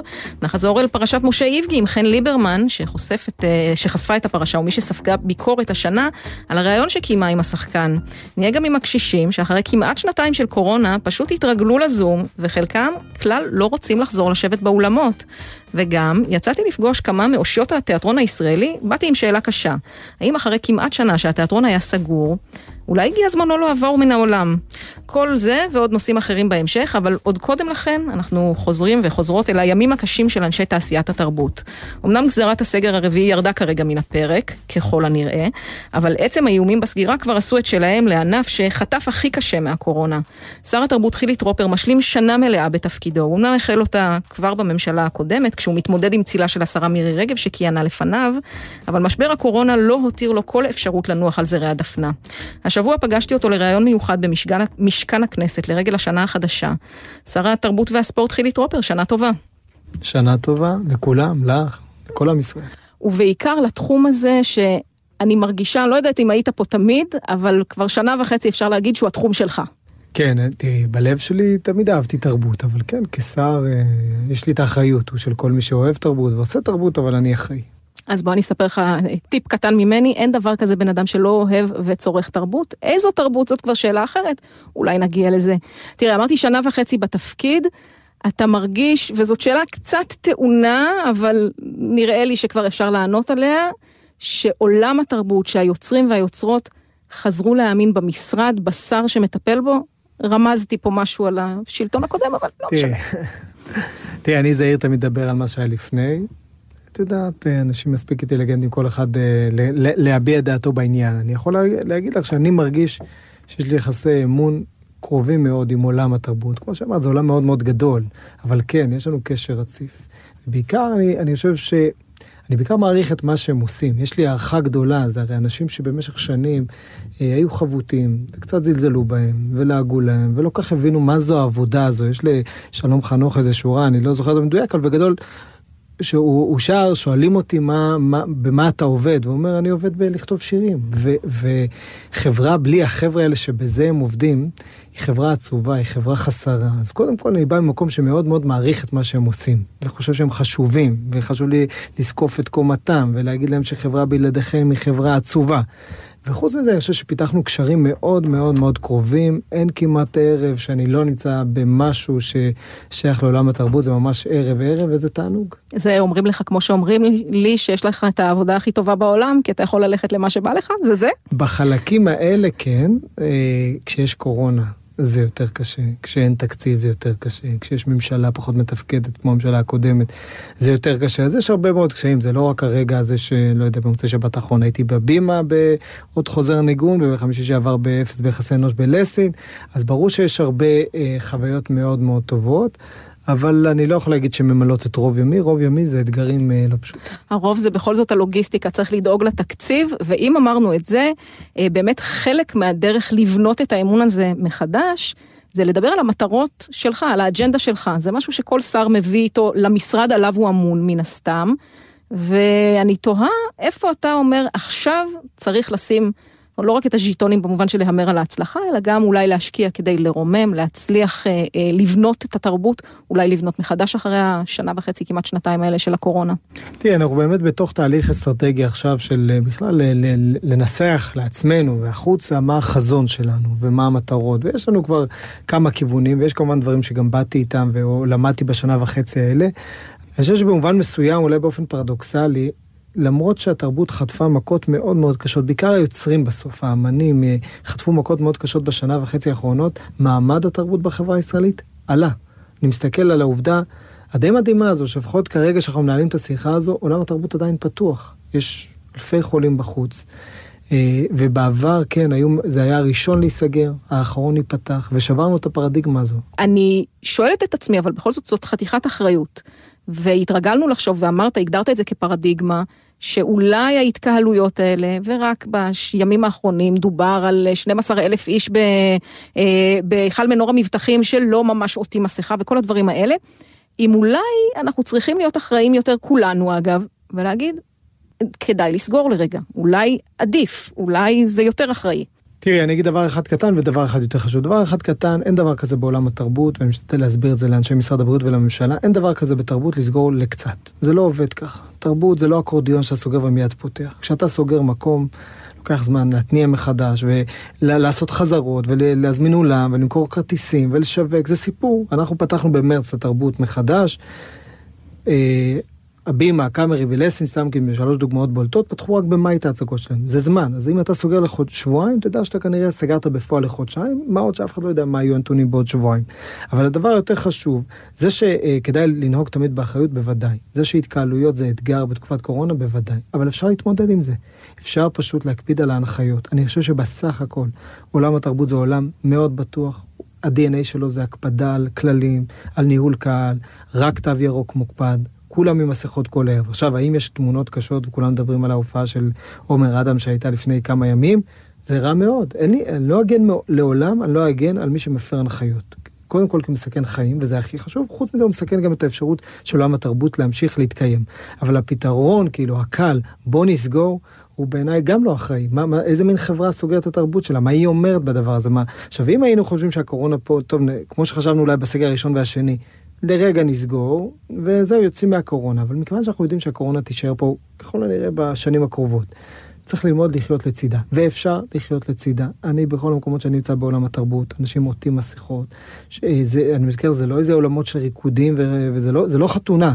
בסדר? בסוף אתה יושב בשורה 2, כיסא 2, אתה לא תפגוש את מי שיושב בשורה 7, כיסא 27. לגמרי לא. ולכן אני באמת מאמין שבסך הכל זה בטוח בריאותית. אני גם חושבת על זה שבשנה האחרונה ראינו תמונות שלא ראינו מעולם, מראות של משלוחי מזון אה, לאנשי התעשייה, שזה כמעט בלתי נתפס. והשאלה היא אם אפשר למנוע כזה דבר. באסון הבא, אתה יודע, את הקורונה כבר עברנו, אני חושבת שבסך הכל אנחנו יוצאים מזה, לפחות מבחינה כלכלית. איך מתמודדים עם זה? אה, תראי, אני, קודם כל המראות הם שוברי לב. פגשתי לא מעט אנשים שבאמת אה, איבדו את מטה לחמם. השנה, אה, אגב, זה בעיקר הקטנים והפרילנסרים, כמו שתיארת, כי בסך הכל המוסדות, וכשאתה דואג למוסדות, אתה בדרך כלל גם דואג לעובדים של המוסדות. אני אגיד בעיניי, אם אני מסתכל קדימה, כמו שאמרת, אנחנו הכנסנו השנה מהלך שלי הוא היה מאוד מאוד חשוב, שזה הבטחת הזכויות הסוציאליות של אותם חבר'ה, ובעצם הכרחנו את מוסדות התרבות. להעביר, אמנם במדורג, כי אי אפשר לעשות, אבל לא מדורג הרבה זמן, תוך שנתיים שלוש, תלוי בגודל המוסד, לא נכנס לפרטים, אבל בין 50 ל-70 אחוז מהעובדים שלהם יצטרכו להפוך להיות עובדים קבועים, כבר לא יהיו פרילנסרים, ואז אם חלילה תבוא עלינו עוד איזו סערה, שאנחנו לא יודעים איך היא תיראה, כי גם המגפה הזו הפתיעה אותנו, מה שלא יבוא, אחוז הרבה יותר גדול של היוצרים והעושים בעולם התרבות, יהיה להם ביטחון תעסוקתי. אגב, כשמדברים על ביטחון תעסוקתי, אחת הבעיות הגדולות בתחום התיאטרון לפחות, הייתה באמת הבימה לאורך השנים, שאיכשהו לא מצליחים לצאת מהבור. מה המצב שם כרגע? אני יודעת שעוד אין החלטה חלוטה, יש אה, אה, איזשהו רעיון שאמור כבר לקרות ולא קורה, מעבר לא, לעיריית תל אביב, איך, מה, מה המצב? יש החלטה חלוטה שלי, שקיבלה גם גיבוי של בית המשפט, והרעיון הזה קורה, ממש בטיוטות אחרונות, בכלל אגב מול משרד המשפטים, מול, מול משרד הפנים, מול עיריית תל אביב והבימה והסתדרות, סיכמנו את כל הפרטים. בעצם תיאטרון הבימה, שהוא התיאטרון הלאומי, נכנס לחובות עתק, כן? זה לא משהו בשוליים, למעלה מ-100 מיליון שקלים. במשך, אנחנו מדברים על 25 שנה של תוכניות הבראה, ובעצם כולם גלגלו תמיד את הכדור האדמה הלוהט הזה הלאה, ובעצם זה הגיע למקום של או ייסגר, או שנעביר אותו לעיריית תל אביב. אלה היו שתי האופציות. אני יודע, יש כאלה שמבקרים אותי, ו- ואיך אפשר להעביר לעיריית תל אביב. תראה, אני... זה תיאטרון לאומי שבסוף הוא בבועה התל אביבית, זה קצת סותר אחד את השני. אז, אז, אז איך משאירים אותו לאומי בעיקר? אז אני אגיד לך, תראי, זה לא, זה לא פתרון קל. בסדר? זה לא שאני לא מבין את המורכבות, אבל אחד, קראו לו תמיד פתרון לאומי, הוא היה תחת המדינה, ואף פעם לא הוגדר מה זה לאומי. אז זה לא שאנחנו שוברים משהו שהיה, להפך, אנחנו מחזקים, כלומר עכשיו בהגדרה שזה עובר ליד תל אביב, יש הגדרות ברורות מה זה אומר תיאטרון לאומי, מה הוא צריך לעשות בהקשר הישראלי והיהודי, ובסוף האופציה השנייה הייתה שכל, שהתיאטרון ייסגר, שמאות העובדים ילכו הביתה ולא תהיה את היצירה שהבימה יוצר. ובחרנו באפשרות הכי טובה בתנאים שהיו. ריאלית, אני שמח שרון חולדאי ועיריית תל אביב לקחו את זה על עצמם כתאגיד. אני מזכיר שהוא ממשיך להיות תחת רגולציה של המשרד, פיקוח של המשרד, כדי שהוא יקבל את התקציב התוספתי של תיאטרון לאומי. יש לו סטנדרטים של תיאטרון לאומי שבהם הוא צריך לעמוד. זה הפתרון הנכון בעיניי, ואנחנו ממשיכים איתו. אה, דובר לא מעט בשנים האחרונות על קציבת קדנציות למנהלים האומנותיים, למנכ"לים של המוסדות הגדולים. נועם סמל, אחרי 24 שנים בקאמרי, סוף סוף פינה את הכיסא, בשמחה גדולה אגב, ונהדר, אבל עכשיו יושב בהבימה. זאת אומרת, החלפנו אדם באדם, זה אותו אדם. זה משהו שהוא דרמטי בעיניך, שיש דרך לפתור אותו? כי בסוף נועם סמל גם בא עם קבלות. בצדק, הוא באמת uh, עושה עבודה מעולה, גם בבימה בימים קשים הוא מחזיק אותה ועוזר לנו במעבר. ואחרי שאני אומר את זה, ברמה העקרונית אני חושב שנכון שתהיה תחלופה. אני חושב שבתפקידים ציבוריים, תחלופה אה, היא טובה, לא מהירה מדי אגב, כי לוקח זמן ללמוד, לוקח זמן ליהנות מהניסיון שצברת, האם זה שמונה שנים או עשר שנים או 12 שנה, אני לא, לא יודע להיכנס לך פה כי צריך עבודה יותר מקצועית. כמובן שזה... שוב, גם כחלק מפתרון כולל וגם מהמינויים הבאים. כלומר, אני לא חושב שנכון עכשיו להוריד גרזנים על אה, מינויים טובים וקיימים, אלא כשיטה, אני בעד השיטה הזאת. אנחנו עוד רגע נקבל אה, את המסקנות של ועדת פולקמן. זו יצירה טלוויזיונית. איך מבטיחים שכל השחקנים הגדולים שלוקחים באמת תוכן מצוין מאיתנו, אגב, נטפליקס עשו יופי של קופה על פאודה, ואני מפרגנת גם להם וגם לליאור ואבי, אבל במובן הזה, איך אנחנו דואגים שקצת מהשפע הזה, ונטפליקס כמשל, כן, אבל יש להם לא יודעת כמה עשרות מיליוני אה, מנויים ברחבי העולם שמשלמים נגיד את המינימום שבמינימום זה 40 שקל בחודש, זה מיליארדים על מיליארדים בחודש, קצת מזה חזרה ליוצרים כאן, יש דרך לעשות את זה? תראי, אני, יש לי פגישה עם רועי פולקמן ויועז הנדל, אה, להבין יותר, כי אני שומע הרבה מאוד ביקורת ותלונות, אבל אני אומר לכולם שבכנות אני עוד לא יודע במה מדובר. אני, למרות שהטלוויזיה היא כאילו לא תחתיי, אבל אני מאוד מאמין ביצירה ישראלית והכל קשור בהכל. אני אהיה שם כדי לנסות לעשות הכל, כדי שמקסימום יצירה ישראלית, משאבים, בעיקר זה אמור להיות קל, כי התנובה היא כל כך טובה בשנים האחרונות, שזה כיף, זה לא רק פאודה, פאודה אולי היא הכי מצליחה מבחינה כלכלית מספרית, אבל כל כך הרבה תוכניות נרכשות ועל ידי חו"ל, דברים שנוצרים בארץ. מעולה. אני לא יכולה לנצח את הדבר הזה. בוא נסיים בשאלון קצר, הבנתי הצגות, ראינו כבר מה, מוזיקה הבנו, אפילו במחול אתה סבבה, הספר האחרון שקראת? עכשיו אה, את הספר אה, של עמית סגל על אה, הפוליטיקה הישראלית. בסדר, גלצניק, אני מפרגנת, הכל בסדר. שאלה קצת מתריסה, אופרה כן או לא? הייתי באופרה פעמיים, האם, האם צריך להחזיק אופרה בישראל? בוודאי. זה סיפור מאוד יקר, עושים שם הרבה כסף, האם צריך גרנית עושה שם עבודה מצוינת? כן, ולשמחתי אגב, הייתי באופרה לא מזמן במופע שהם עשו עיבוד של שירים ישראלים, ארץ ישראלים, והיה מקסים, מקסים, מקסים. בקיצור, נלך על הכן. ראית את כל הפרקים של חזרות? כן. של העונה הראשונה, הבנתי שאמורה להיות עונה שנייה. בינתיים יש רק אחת, כן. עד שתהיה שנייה, עוד ייקח לנו זמן. בוא נראה, יש לנו את כל המורכבויות, אבל כן. חתונה ממבט ראשון או האח הגדול? אל תענה לי אף אחד. זה לא לגיטימי, אי אפשר. באתי, לא ראיתי את שניהם. בסדר.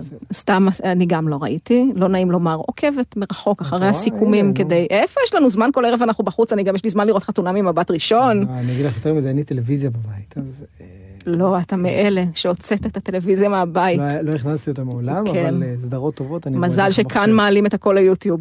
אה, איזשהו איחול ברכה לעולם התרבות לנו, אה, למאזיני גלי צה"ל, שבינתיים עוד נשארת בשטח. מאחל לכולם שנה טובה, בריאות לכולם ברמה האישית, שהתרבות, כי, כי אחרי כל מה שאמרתי שאני שמח שהיא נשארת והיא פתוחה ואני לא עיוור לפגיעה הקשה שיש בה, זה די מדהים, כי בסך הכל אין עליה הגבלות, אבל בפועל יש עליה הרבה הגבלות, כי ההיסטריה והלחץ והנתונים מסביב מטילים עליה בפועל.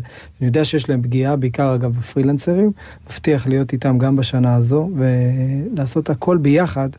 כדי שתהיה פה תרבות טובה, משגשגת, עשירה, מעמיקה וטובה. טוב, אני קופצת על העגלה הזו איתך, שר התרבות והספורט, למרות שלא דיברנו על הספורט. חילי טרופר, תודה רבה. תודה, שנה טובה, ענבל.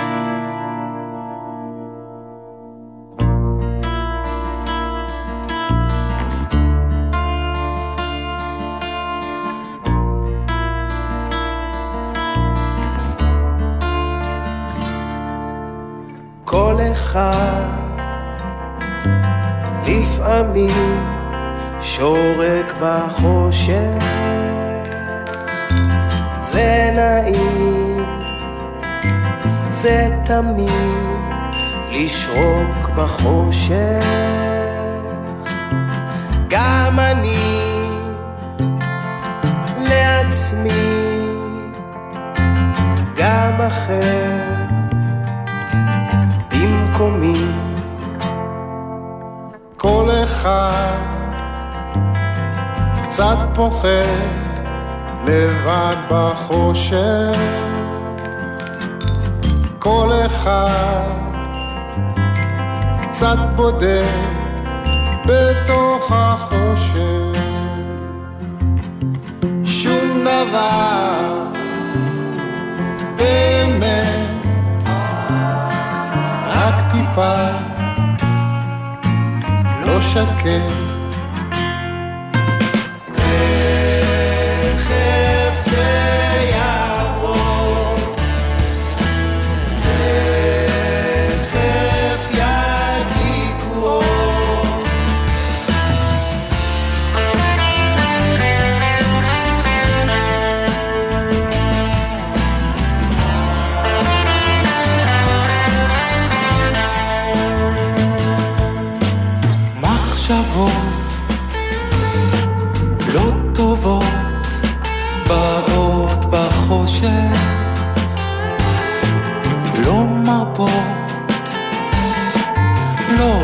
עוזבות אותך בחושך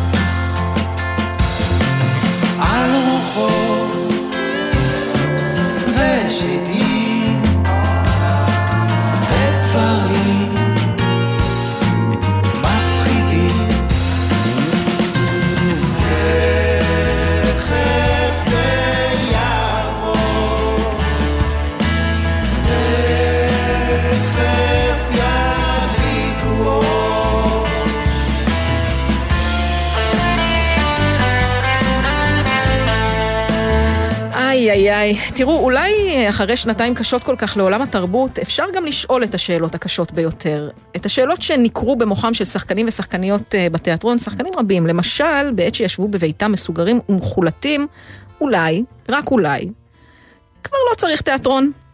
אולי החודשים הארוכים בהם התיאטרון היה סגור, הוכיחו שאין בו צורך, שעבר מן העולם, שהוא ארכאי.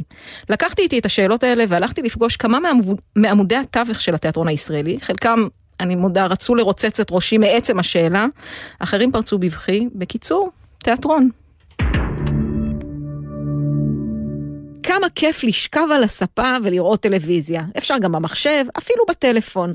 עזבו אותי באימא שלכם עם התיאטרון הזה. ממש אפשר לחיות בלעדיו.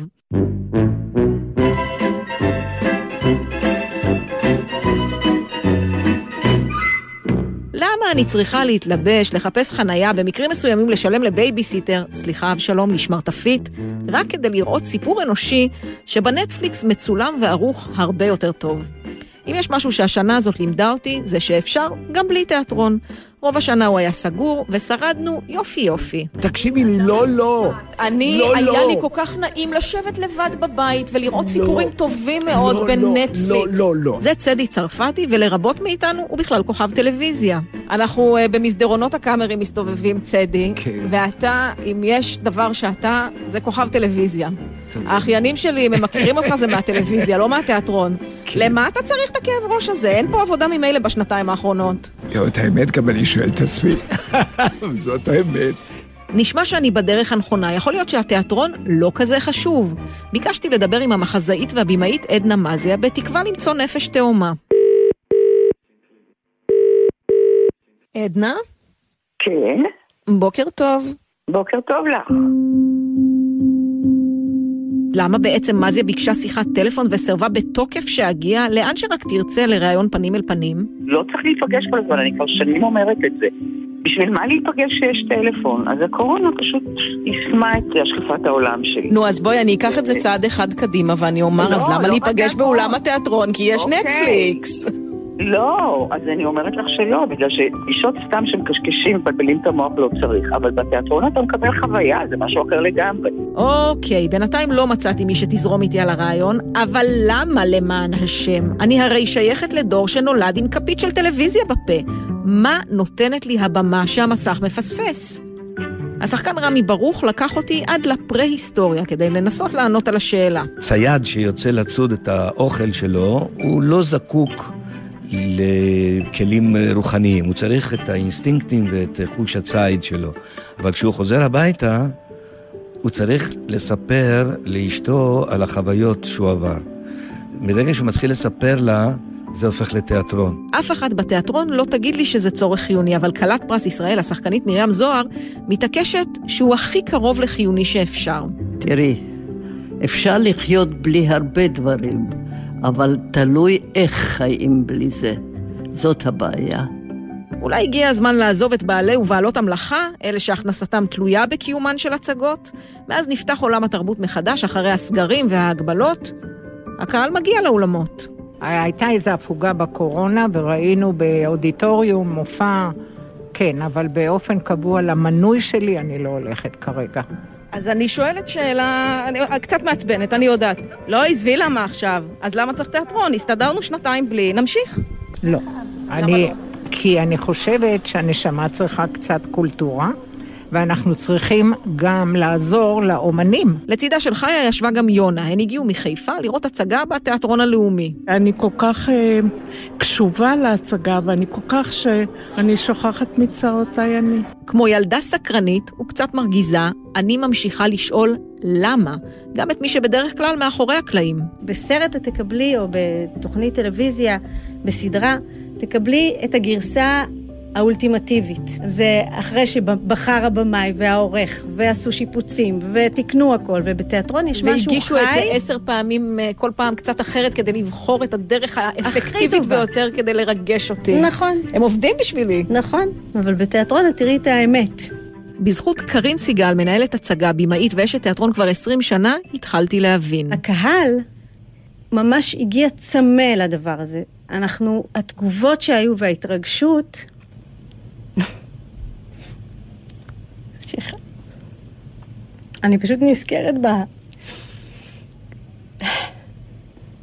בהצגה הראשונה שפתחנו. ההצגה בוסתן ספרדי. וזה פשוט היה מרגש ברמות.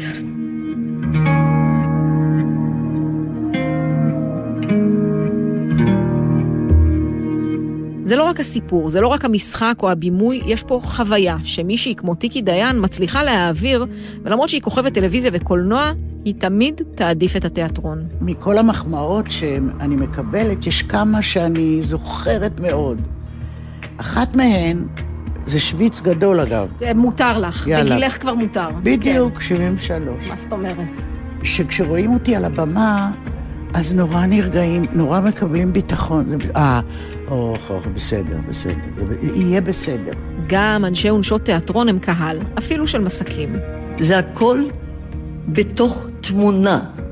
ואני יושבת עדיין על כיסא הנוח הזה לראות את זה. זה לא מספק את מרים זוהר. אבל אני רוצה לראות את זה חי. זה שונה. ואם לחזור לצדי צרפתי שמוכר לנו מהטלוויזיה, לא נראה לי שהוא יוותר על הבמה. בגלל זה אני שם, בשביל לעשות לעוד אנשים. לא בשבילי כקהל, אלא אני אוהב לעשות להם. אני אוהב לרגש אותם, אני אוהב לראות את התחושה, לשמוע את המחיאות כפיים, לשמוע את החוסר נוחות, לראות אם יש standing ovation, הקהל קם על רגליים בסוף, אני תמיד כמעט פורץ בבכי מהתרגשות. למה? אתה רואה שהם נהנו, שהם התרגשו.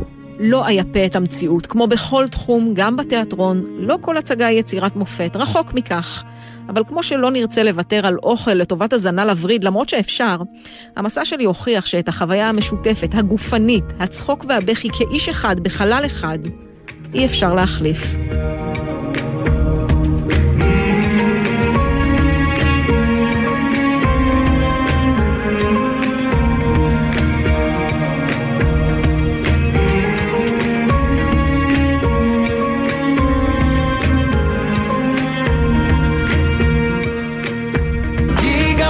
ככה פה זה בית משוגעים וואי וואי, כמה שאני שמעתי את השיר הזה בשנה הזו. אם אתם uh, מדי פעם חוטאים בהאזנה לתחנה אחות גלגלצ, אז הבחירה אתמול בשיר של רן דנקר, בית משוגעים לשיר השנה, כנראה לא הפתיע גם אתכן. הקאמבק של דנקר מצטרף לעוד כמה סנסציות שהולידו להיטים גדולים שכבר תקועים לכולנו עמוק באוזן ובראש. כתבתנו שרון לויט פגשה את האורחים המוזיקליים של גלגלצ, אמנם בזום מפאת uh, מתקפת בידודים, וניסתה לפצח את המתכון, מה הופך שיר ללהיט? כי גם ככה פה זה בית משוגעים I don't know what really, really happens at the end of the road. Yeah, hello, me money cooling. Ching, ching, ching. אני cooling. Bing, bing, bing.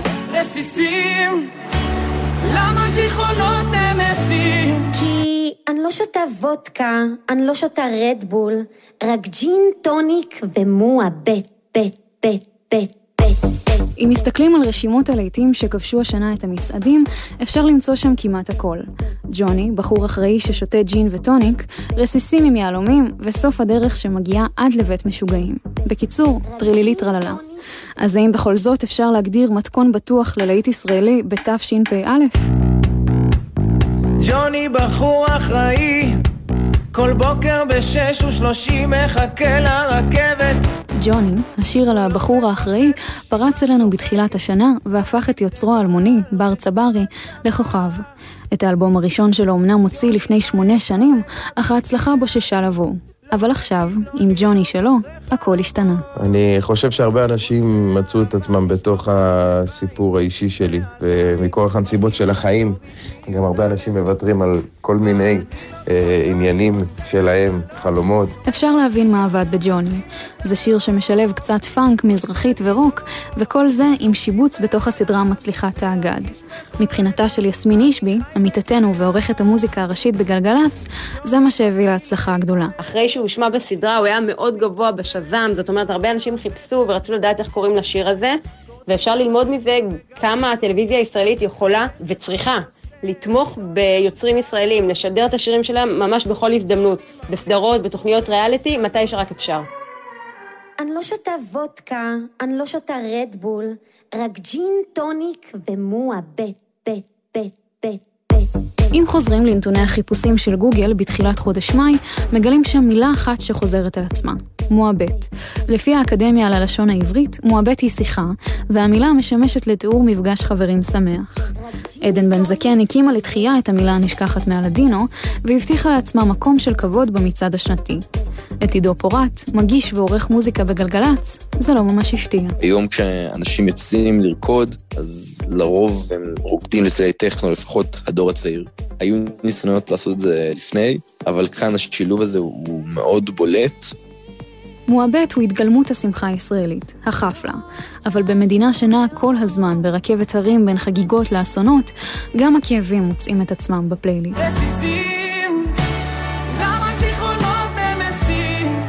רביב כנר, בדומה לעדן בן זקן, הוא פליט ריאליטי מוזיקלי.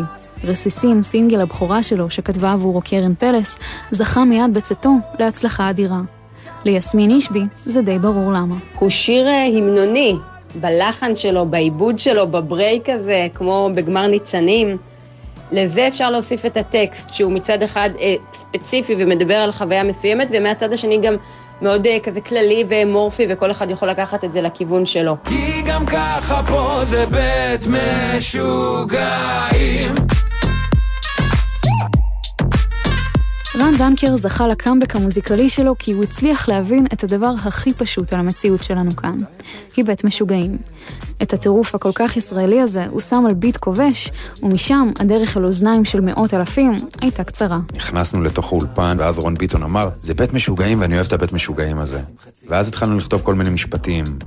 אה, משפט שהיו שואלים אותי ברחוב. ככה נוצר השיר.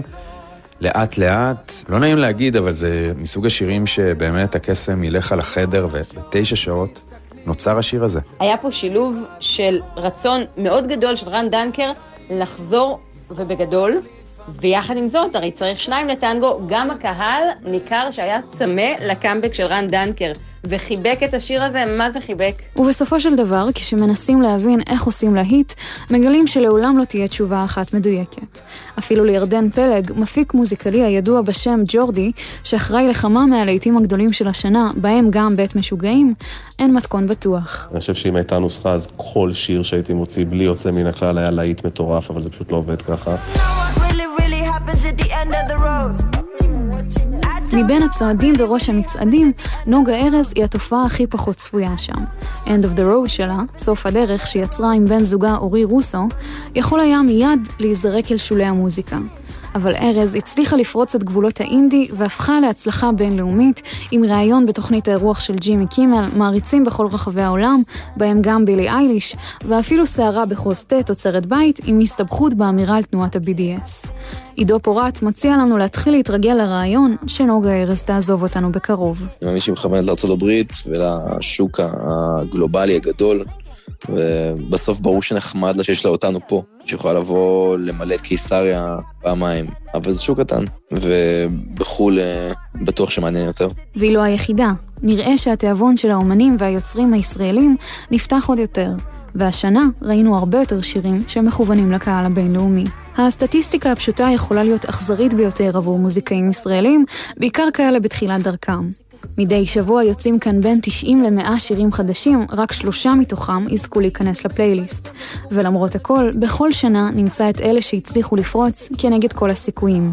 נדב רביד, מנהל גלגלצ שמאזין לכל אותם שירים חדשים, ולא פעם אחראי לגורלם, טוען כי דווקא בעידן כזה של הצפה, היוצרים צריכים לשמור על הייחוד שלהם. ככל שיש יותר מוזיקה, אז הערך של כל שיר בפני עצמו הוא יורד. אה, זה לא שהמוזיקה פחות טובה או זה, אבל אני חושב שאחת הדרכים לבלוט בתקופה כזאת של כזה היצע היא לייצר מימים. אני מתפוצצת בעשר, תשע, שמונה, שלוש, אחת, טרילילי, טרללה! טוב, כל שיר עם אילן פלד הוא להיט מבחינתי. אני חושבת שבסופו של דבר המבחן יהיה מבחן הזמן. מה נזכור בעוד עשור? זה השיר הטוב באמת. אני רוצה סופש מונפש, מותש, מופרש, זיקוקים, פרחים, גברים בעקבים, לקפוץ, לקפוץ, לפרוץ, ההפך מלפרוץ, the proof is in the pudding. Let's drink, ping, pong, think, string, בלי מינקינג, it's stink, wink, רק צ'ינק, צ'ינק ובלינג, בלינג. זה שלי. בסדר, גלילאו גלילי. בסוף השזה רוקדת איך שבא לי ובמוצא שהולך להיות פנומנלי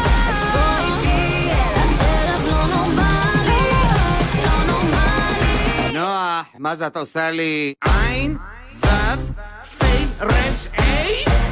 טרילילי, טרללה!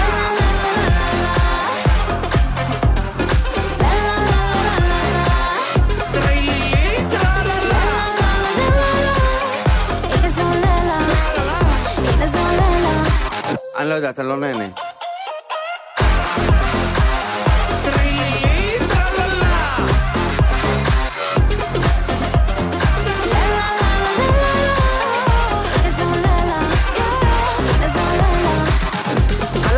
עובד.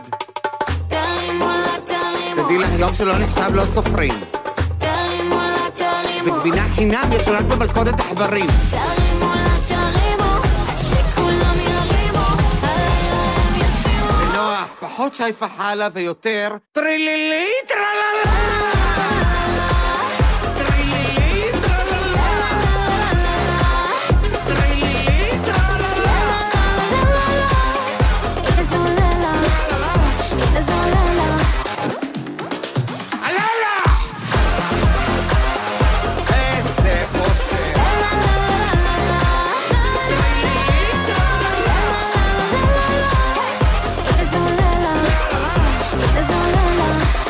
אל תרוצי שיורים עלייך, כי תמותי עייפה.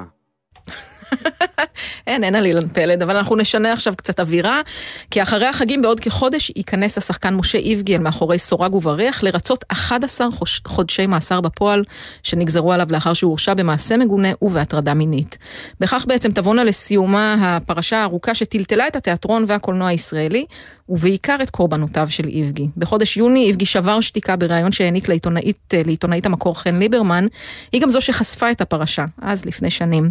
ליברמן ספגה ביקורת על עצם קיום הריאיון הזה, וכעת היא מבקשת בטור מיוחד לענות על השאלה מדוע ראיינה את משה איבגי, ומה כולנו צריכים וצריכות ללמוד מהסיפור הזה.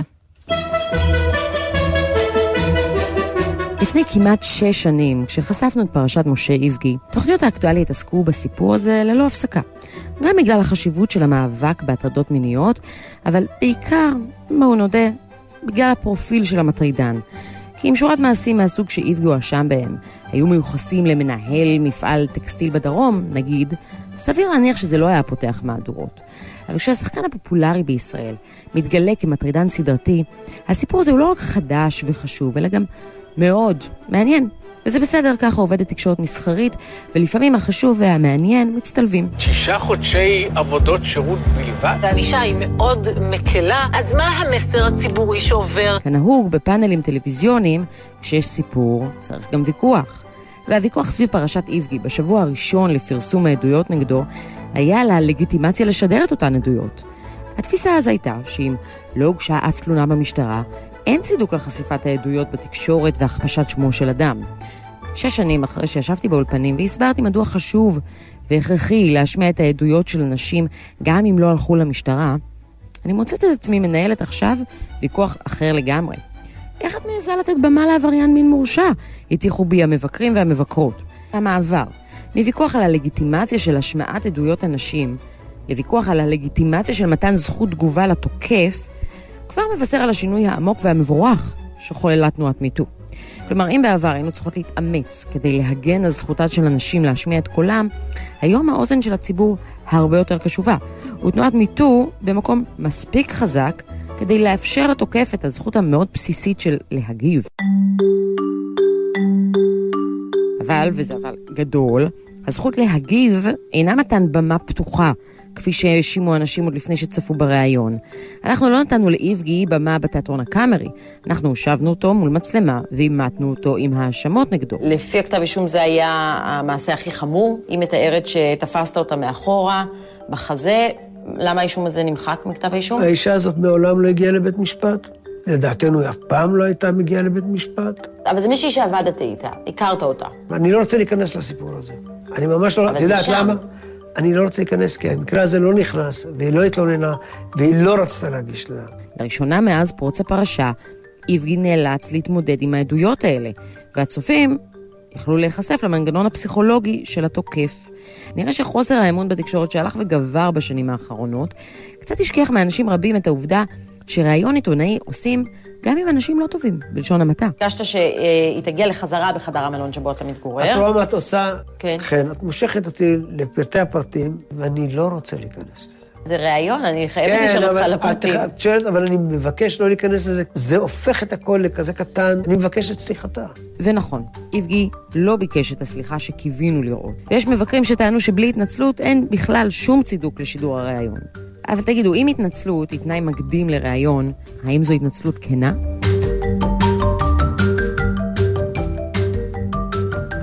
שאלה טובה מאוד, אני יודעת שאני קצת משוחדת, בכל זאת הגש, הגשתי כאן אה, בגלי צה"ל תוכנית עם חן ליברמן, אבל ראיתי את הריאיון, ולו כדי לדעת על מה, אם בכלל, יש להעביר ביקורת.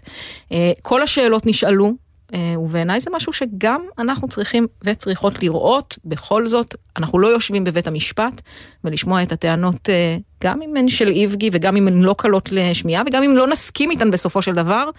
אה, זה דבר שראוי שגוף תקשורת יעשה. אני איתכן. אבל בואי נעבור לדברים טיפה יותר אני אומרת חשובים, אבל אני לא בטוחה. הבוטוקס של מרגו למשל, הרקדנים הצבאיים של נועה קירל, ציפי רפאלי הלכה לכלא וגם יצאה ממנו. לכל האפיזודות השוליות האלה הוצמד השנה התואר המרשים שערה. אז אנחנו אמנם לא ממש מתרגשות, אבל גם לא יכולות להתעלם, ואם פספסתן, קבלו את תקציר השערות בחוסטה של שנת תשפ"א. צופים, צופים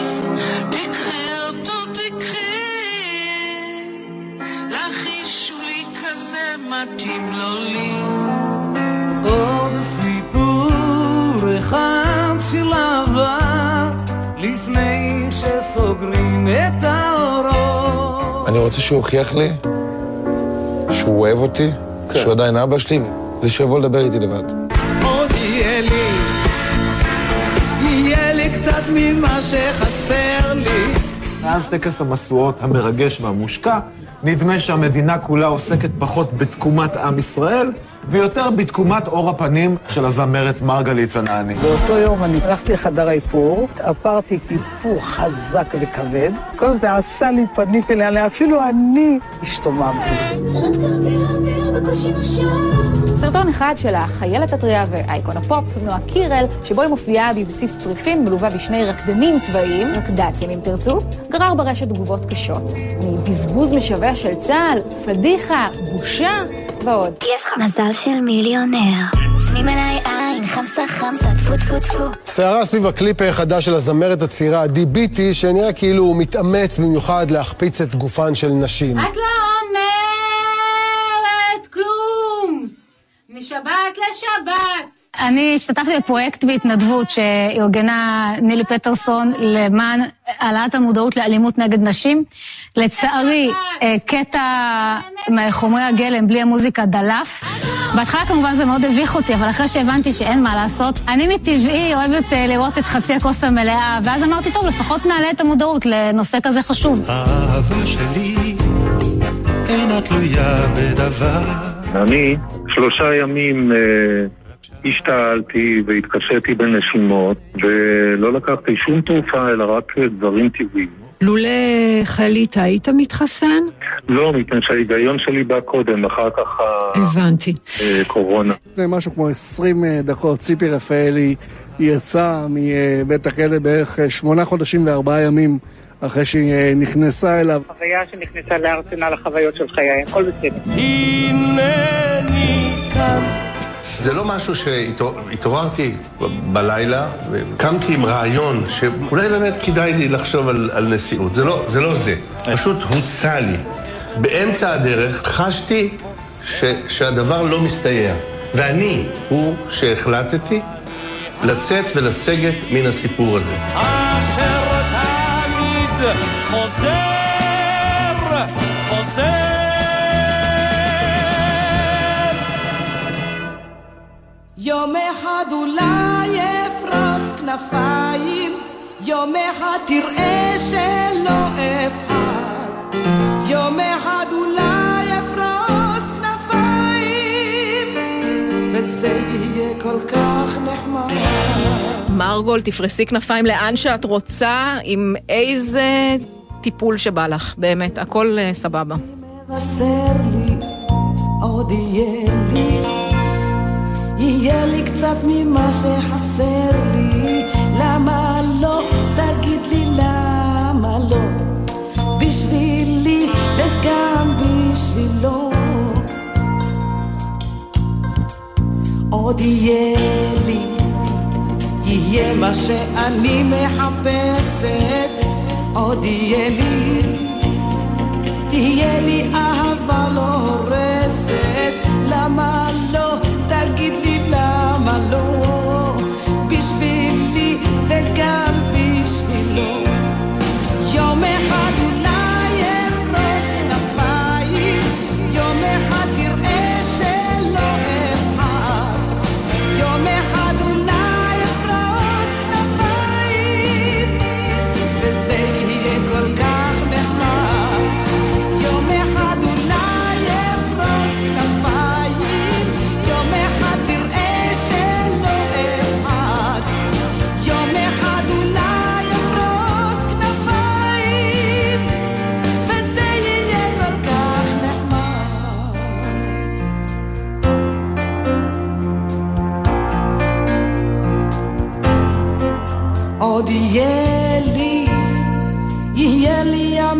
שחציתי, עוד יהיה לי, יהיה לי דווקא מה שרציתי, למה לא, תגידי למה לא, בשבילי, כן, כן, בשבילו, עוד יהיה לי, יהיה מה שליבי מבשר לי, עוד יהיה לי, יהיה לי קצת ממה שחסר לי, למה לא, תגיד לי למה לא, בשבילי וגם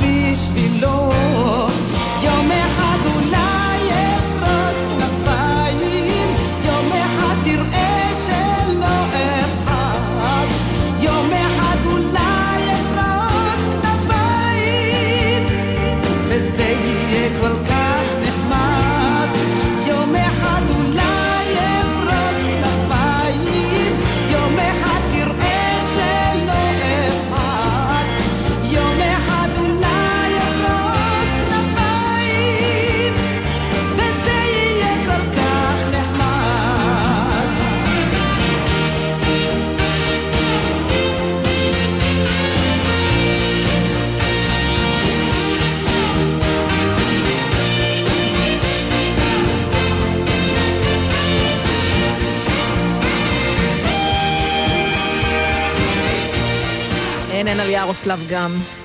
אה, תראו, אחרי אה, שלושה סגרים ושלושה חיסונים, בני הגיל השלישי כבר מתייחסים אחרת לגמרי לעולם התרבות. הם המהווים את הנתח העיקרי של קהל רוכשי הכרטיסים, נפגעו מהמגפה הכי קשה שאפשר, ובעצם נסגרו בביתם חודשים ארוכים. עם חזרת עולם התרבות לפעילות באביב האחרון, הבינו מנהלי המוסדות שיש לחשב מסלול מחדש. אזרחים ותיקים רבים פשוט כבר התרגלו לזום, אולי אפילו התאהבו בו, והם לא כל כך ממהרים לחדש מנוי לישיבה באולם. כתבנו בנימין כהן ג'קובס שמע אותם. אבל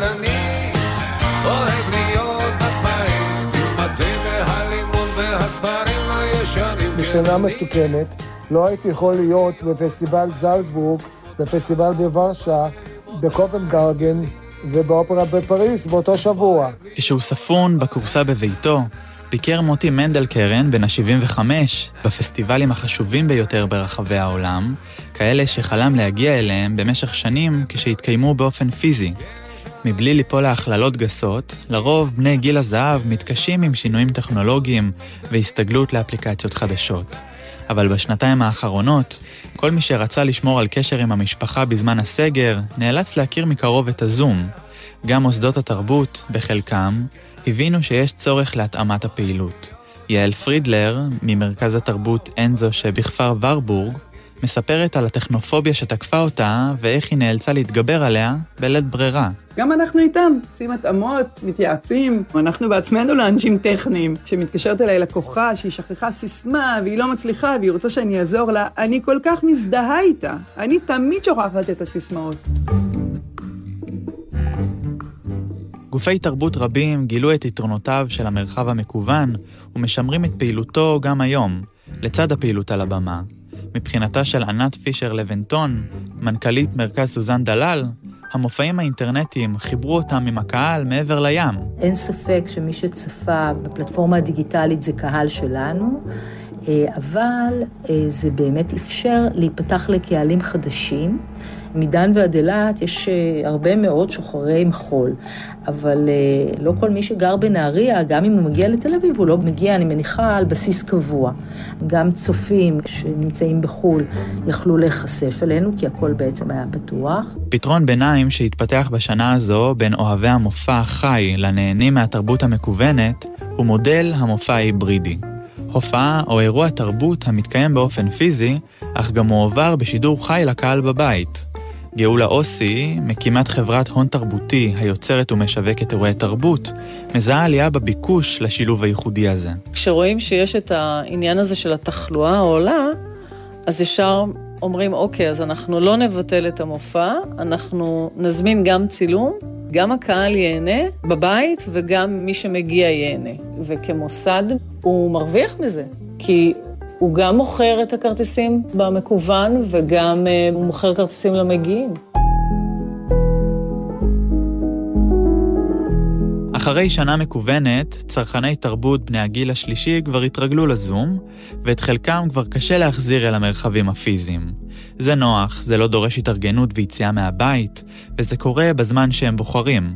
במרכז אסכולות של האוניברסיטה הפתוחה, שנחשב למוסד המוביל ביותר בהרצאות ופנאי לגיל הזהב, צפו לנהירה של המנויים אל האולמות. אולם מנהלת המרכז, הדוקטור טלי שביט, מודה שהתחזיות התבדו. אנחנו כבר בשלים לחזור לאולמות, והחברי וחברות אסכולות אומרים לי, לא, לא, טלי, אנחנו רוצים מהבית, בבקשה, תמשיכי את הזום. אז עכשיו יש לי איזשהו אתגר כפול, איך אני מאפשרת להם להמשיך ללמוד מהבית, לבלות איזה בילוי אינטלקטואלי מהכורסה, אבל גם להוציא אותם החוצה. ויש עוד רבים שלא מוכנים לוותר על אירועי הבמה, למרות החשש לבריאותם. ליאורה בן טוב מרמת גן פקדה את התיאטרון מיד כשנפתח בתום הסגר השלישי.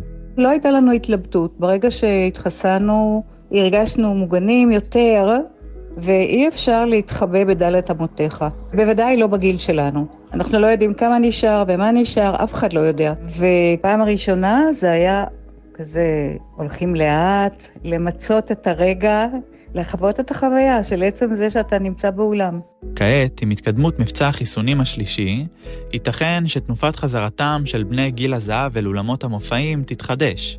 אך נדמה שגם אם רמות התחלואה ירדו ואולי מגפת הקורונה אף תמוגר, המרחב המקוון ימשיך לשמש כבמה חשובה וחיונית עבור עולם התרבות ועבור הקהל המבוגר.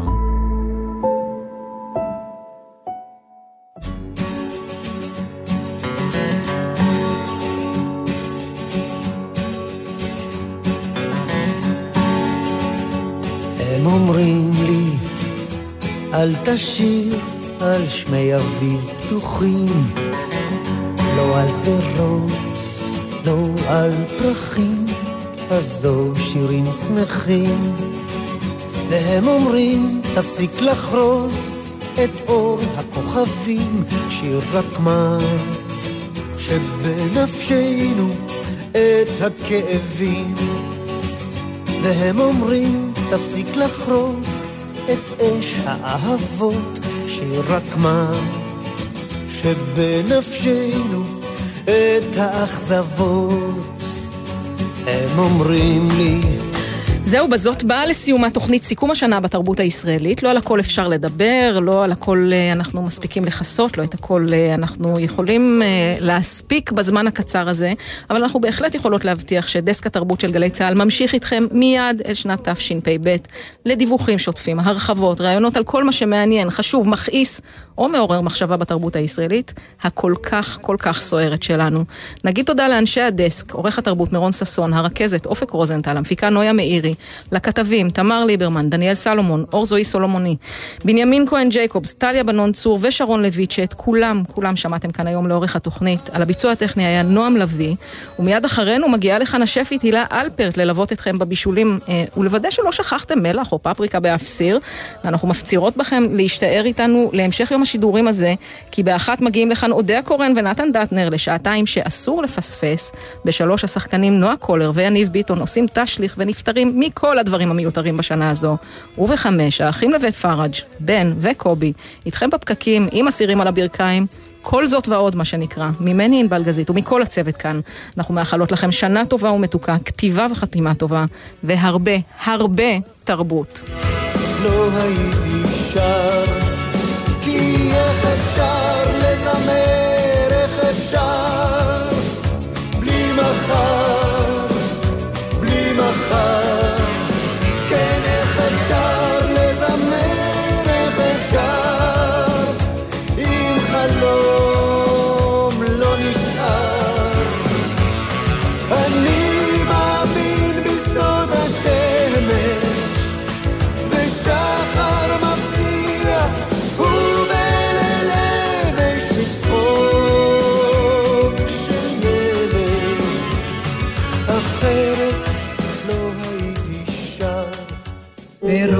השנה, בראש השנה.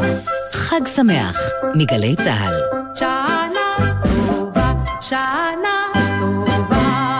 מהאולפנה והתיכון למשרד הביטחון. אנחנו מבטיחים לך תפקיד איכותי ועתיד משמעותי בליבת העשייה הביטחונית של מדינת ישראל. מצוינות וציונות הן אצלך בנשמה? בואי לשירות לאומי משמעותי במשרד הביטחון. במגוון תפקידי סבר סייבר, טכנולוגיה, הדרכה, לוגיסטיקה, משאבי אנוש ותקשורת, ותוכלי להיות חלק מן העתיד הביטחוני של המדינה ושלך. ההרשמה לשירות לאומי החלה. פרטים באתר עמותת בת עמי, עמותת שילה, עמותת שלומית ומשרד הביטחון. הכי שירות, הכי לאומי, שירות בתפקיד ביטחוני. ארגון לתת מאחל לכולנו שבשנה הבאה לא נצטרך להקשיב לתשדיר הזה. אבל השנה אנחנו עדיין צריכים. יש משפחות במצוקה שעדיין לא התאוששו מהמשבר. לתרומת ארוחת חג ייכנסו לאתר לתת, חייגו כוכבית 6833 או תרמו בביט. עכשיו בווינר! מוקדמות גביע העולם! דנמרק נגד ישראל ואוסטריה נגד סקוטלנד. יודע מי תנצח? ייכנס לתחנה, לאתר או לנייד, ותוכל להרוויח. כי אם לא תשלח... איך תיקח? הקרן לידידות עזרה לי להרגיש שאני לא לבד. בזכותם היה לנו אוכל בבית, כשלא הייתה הכנסה. בזכותם אני פה בישראל. הקרן לידידות, ארגון הסיוע החברתי המוביל בארץ, סייעה בשנה שחלפה לכשני מיליון בני אדם, ברווחה, עלייה וקליטה, חירום וביטחון. הקרן הכפילה את הסיוע המיוחד לראש השנה לכ-11 מיליון דולר. הקרן לידידות, עושים טוב, נותנים תקווה. מה זה באמת להיות ישראלי? דינה זילבר במסע לתוך הישראליות עם דמויות מפתח בחברה, בספרות ובתרבות. והשבוע, דובי אייכנוולד. אני חי את הגאולה, אנחנו 70 שנה בסך הכל ממה שמאז. אני חי את חזון זכריה עוד ביום יום שלי, אני עסוק בעבודה תרבותית, אני ממשיך להנציח את השואה. מילים ומשפטים עם דינה זילבר, חמישי, שמונה בערב, גלי צה"ל. ראש השנה תשפ"ב. מיד אחרי החדשות, הילה אלפרט.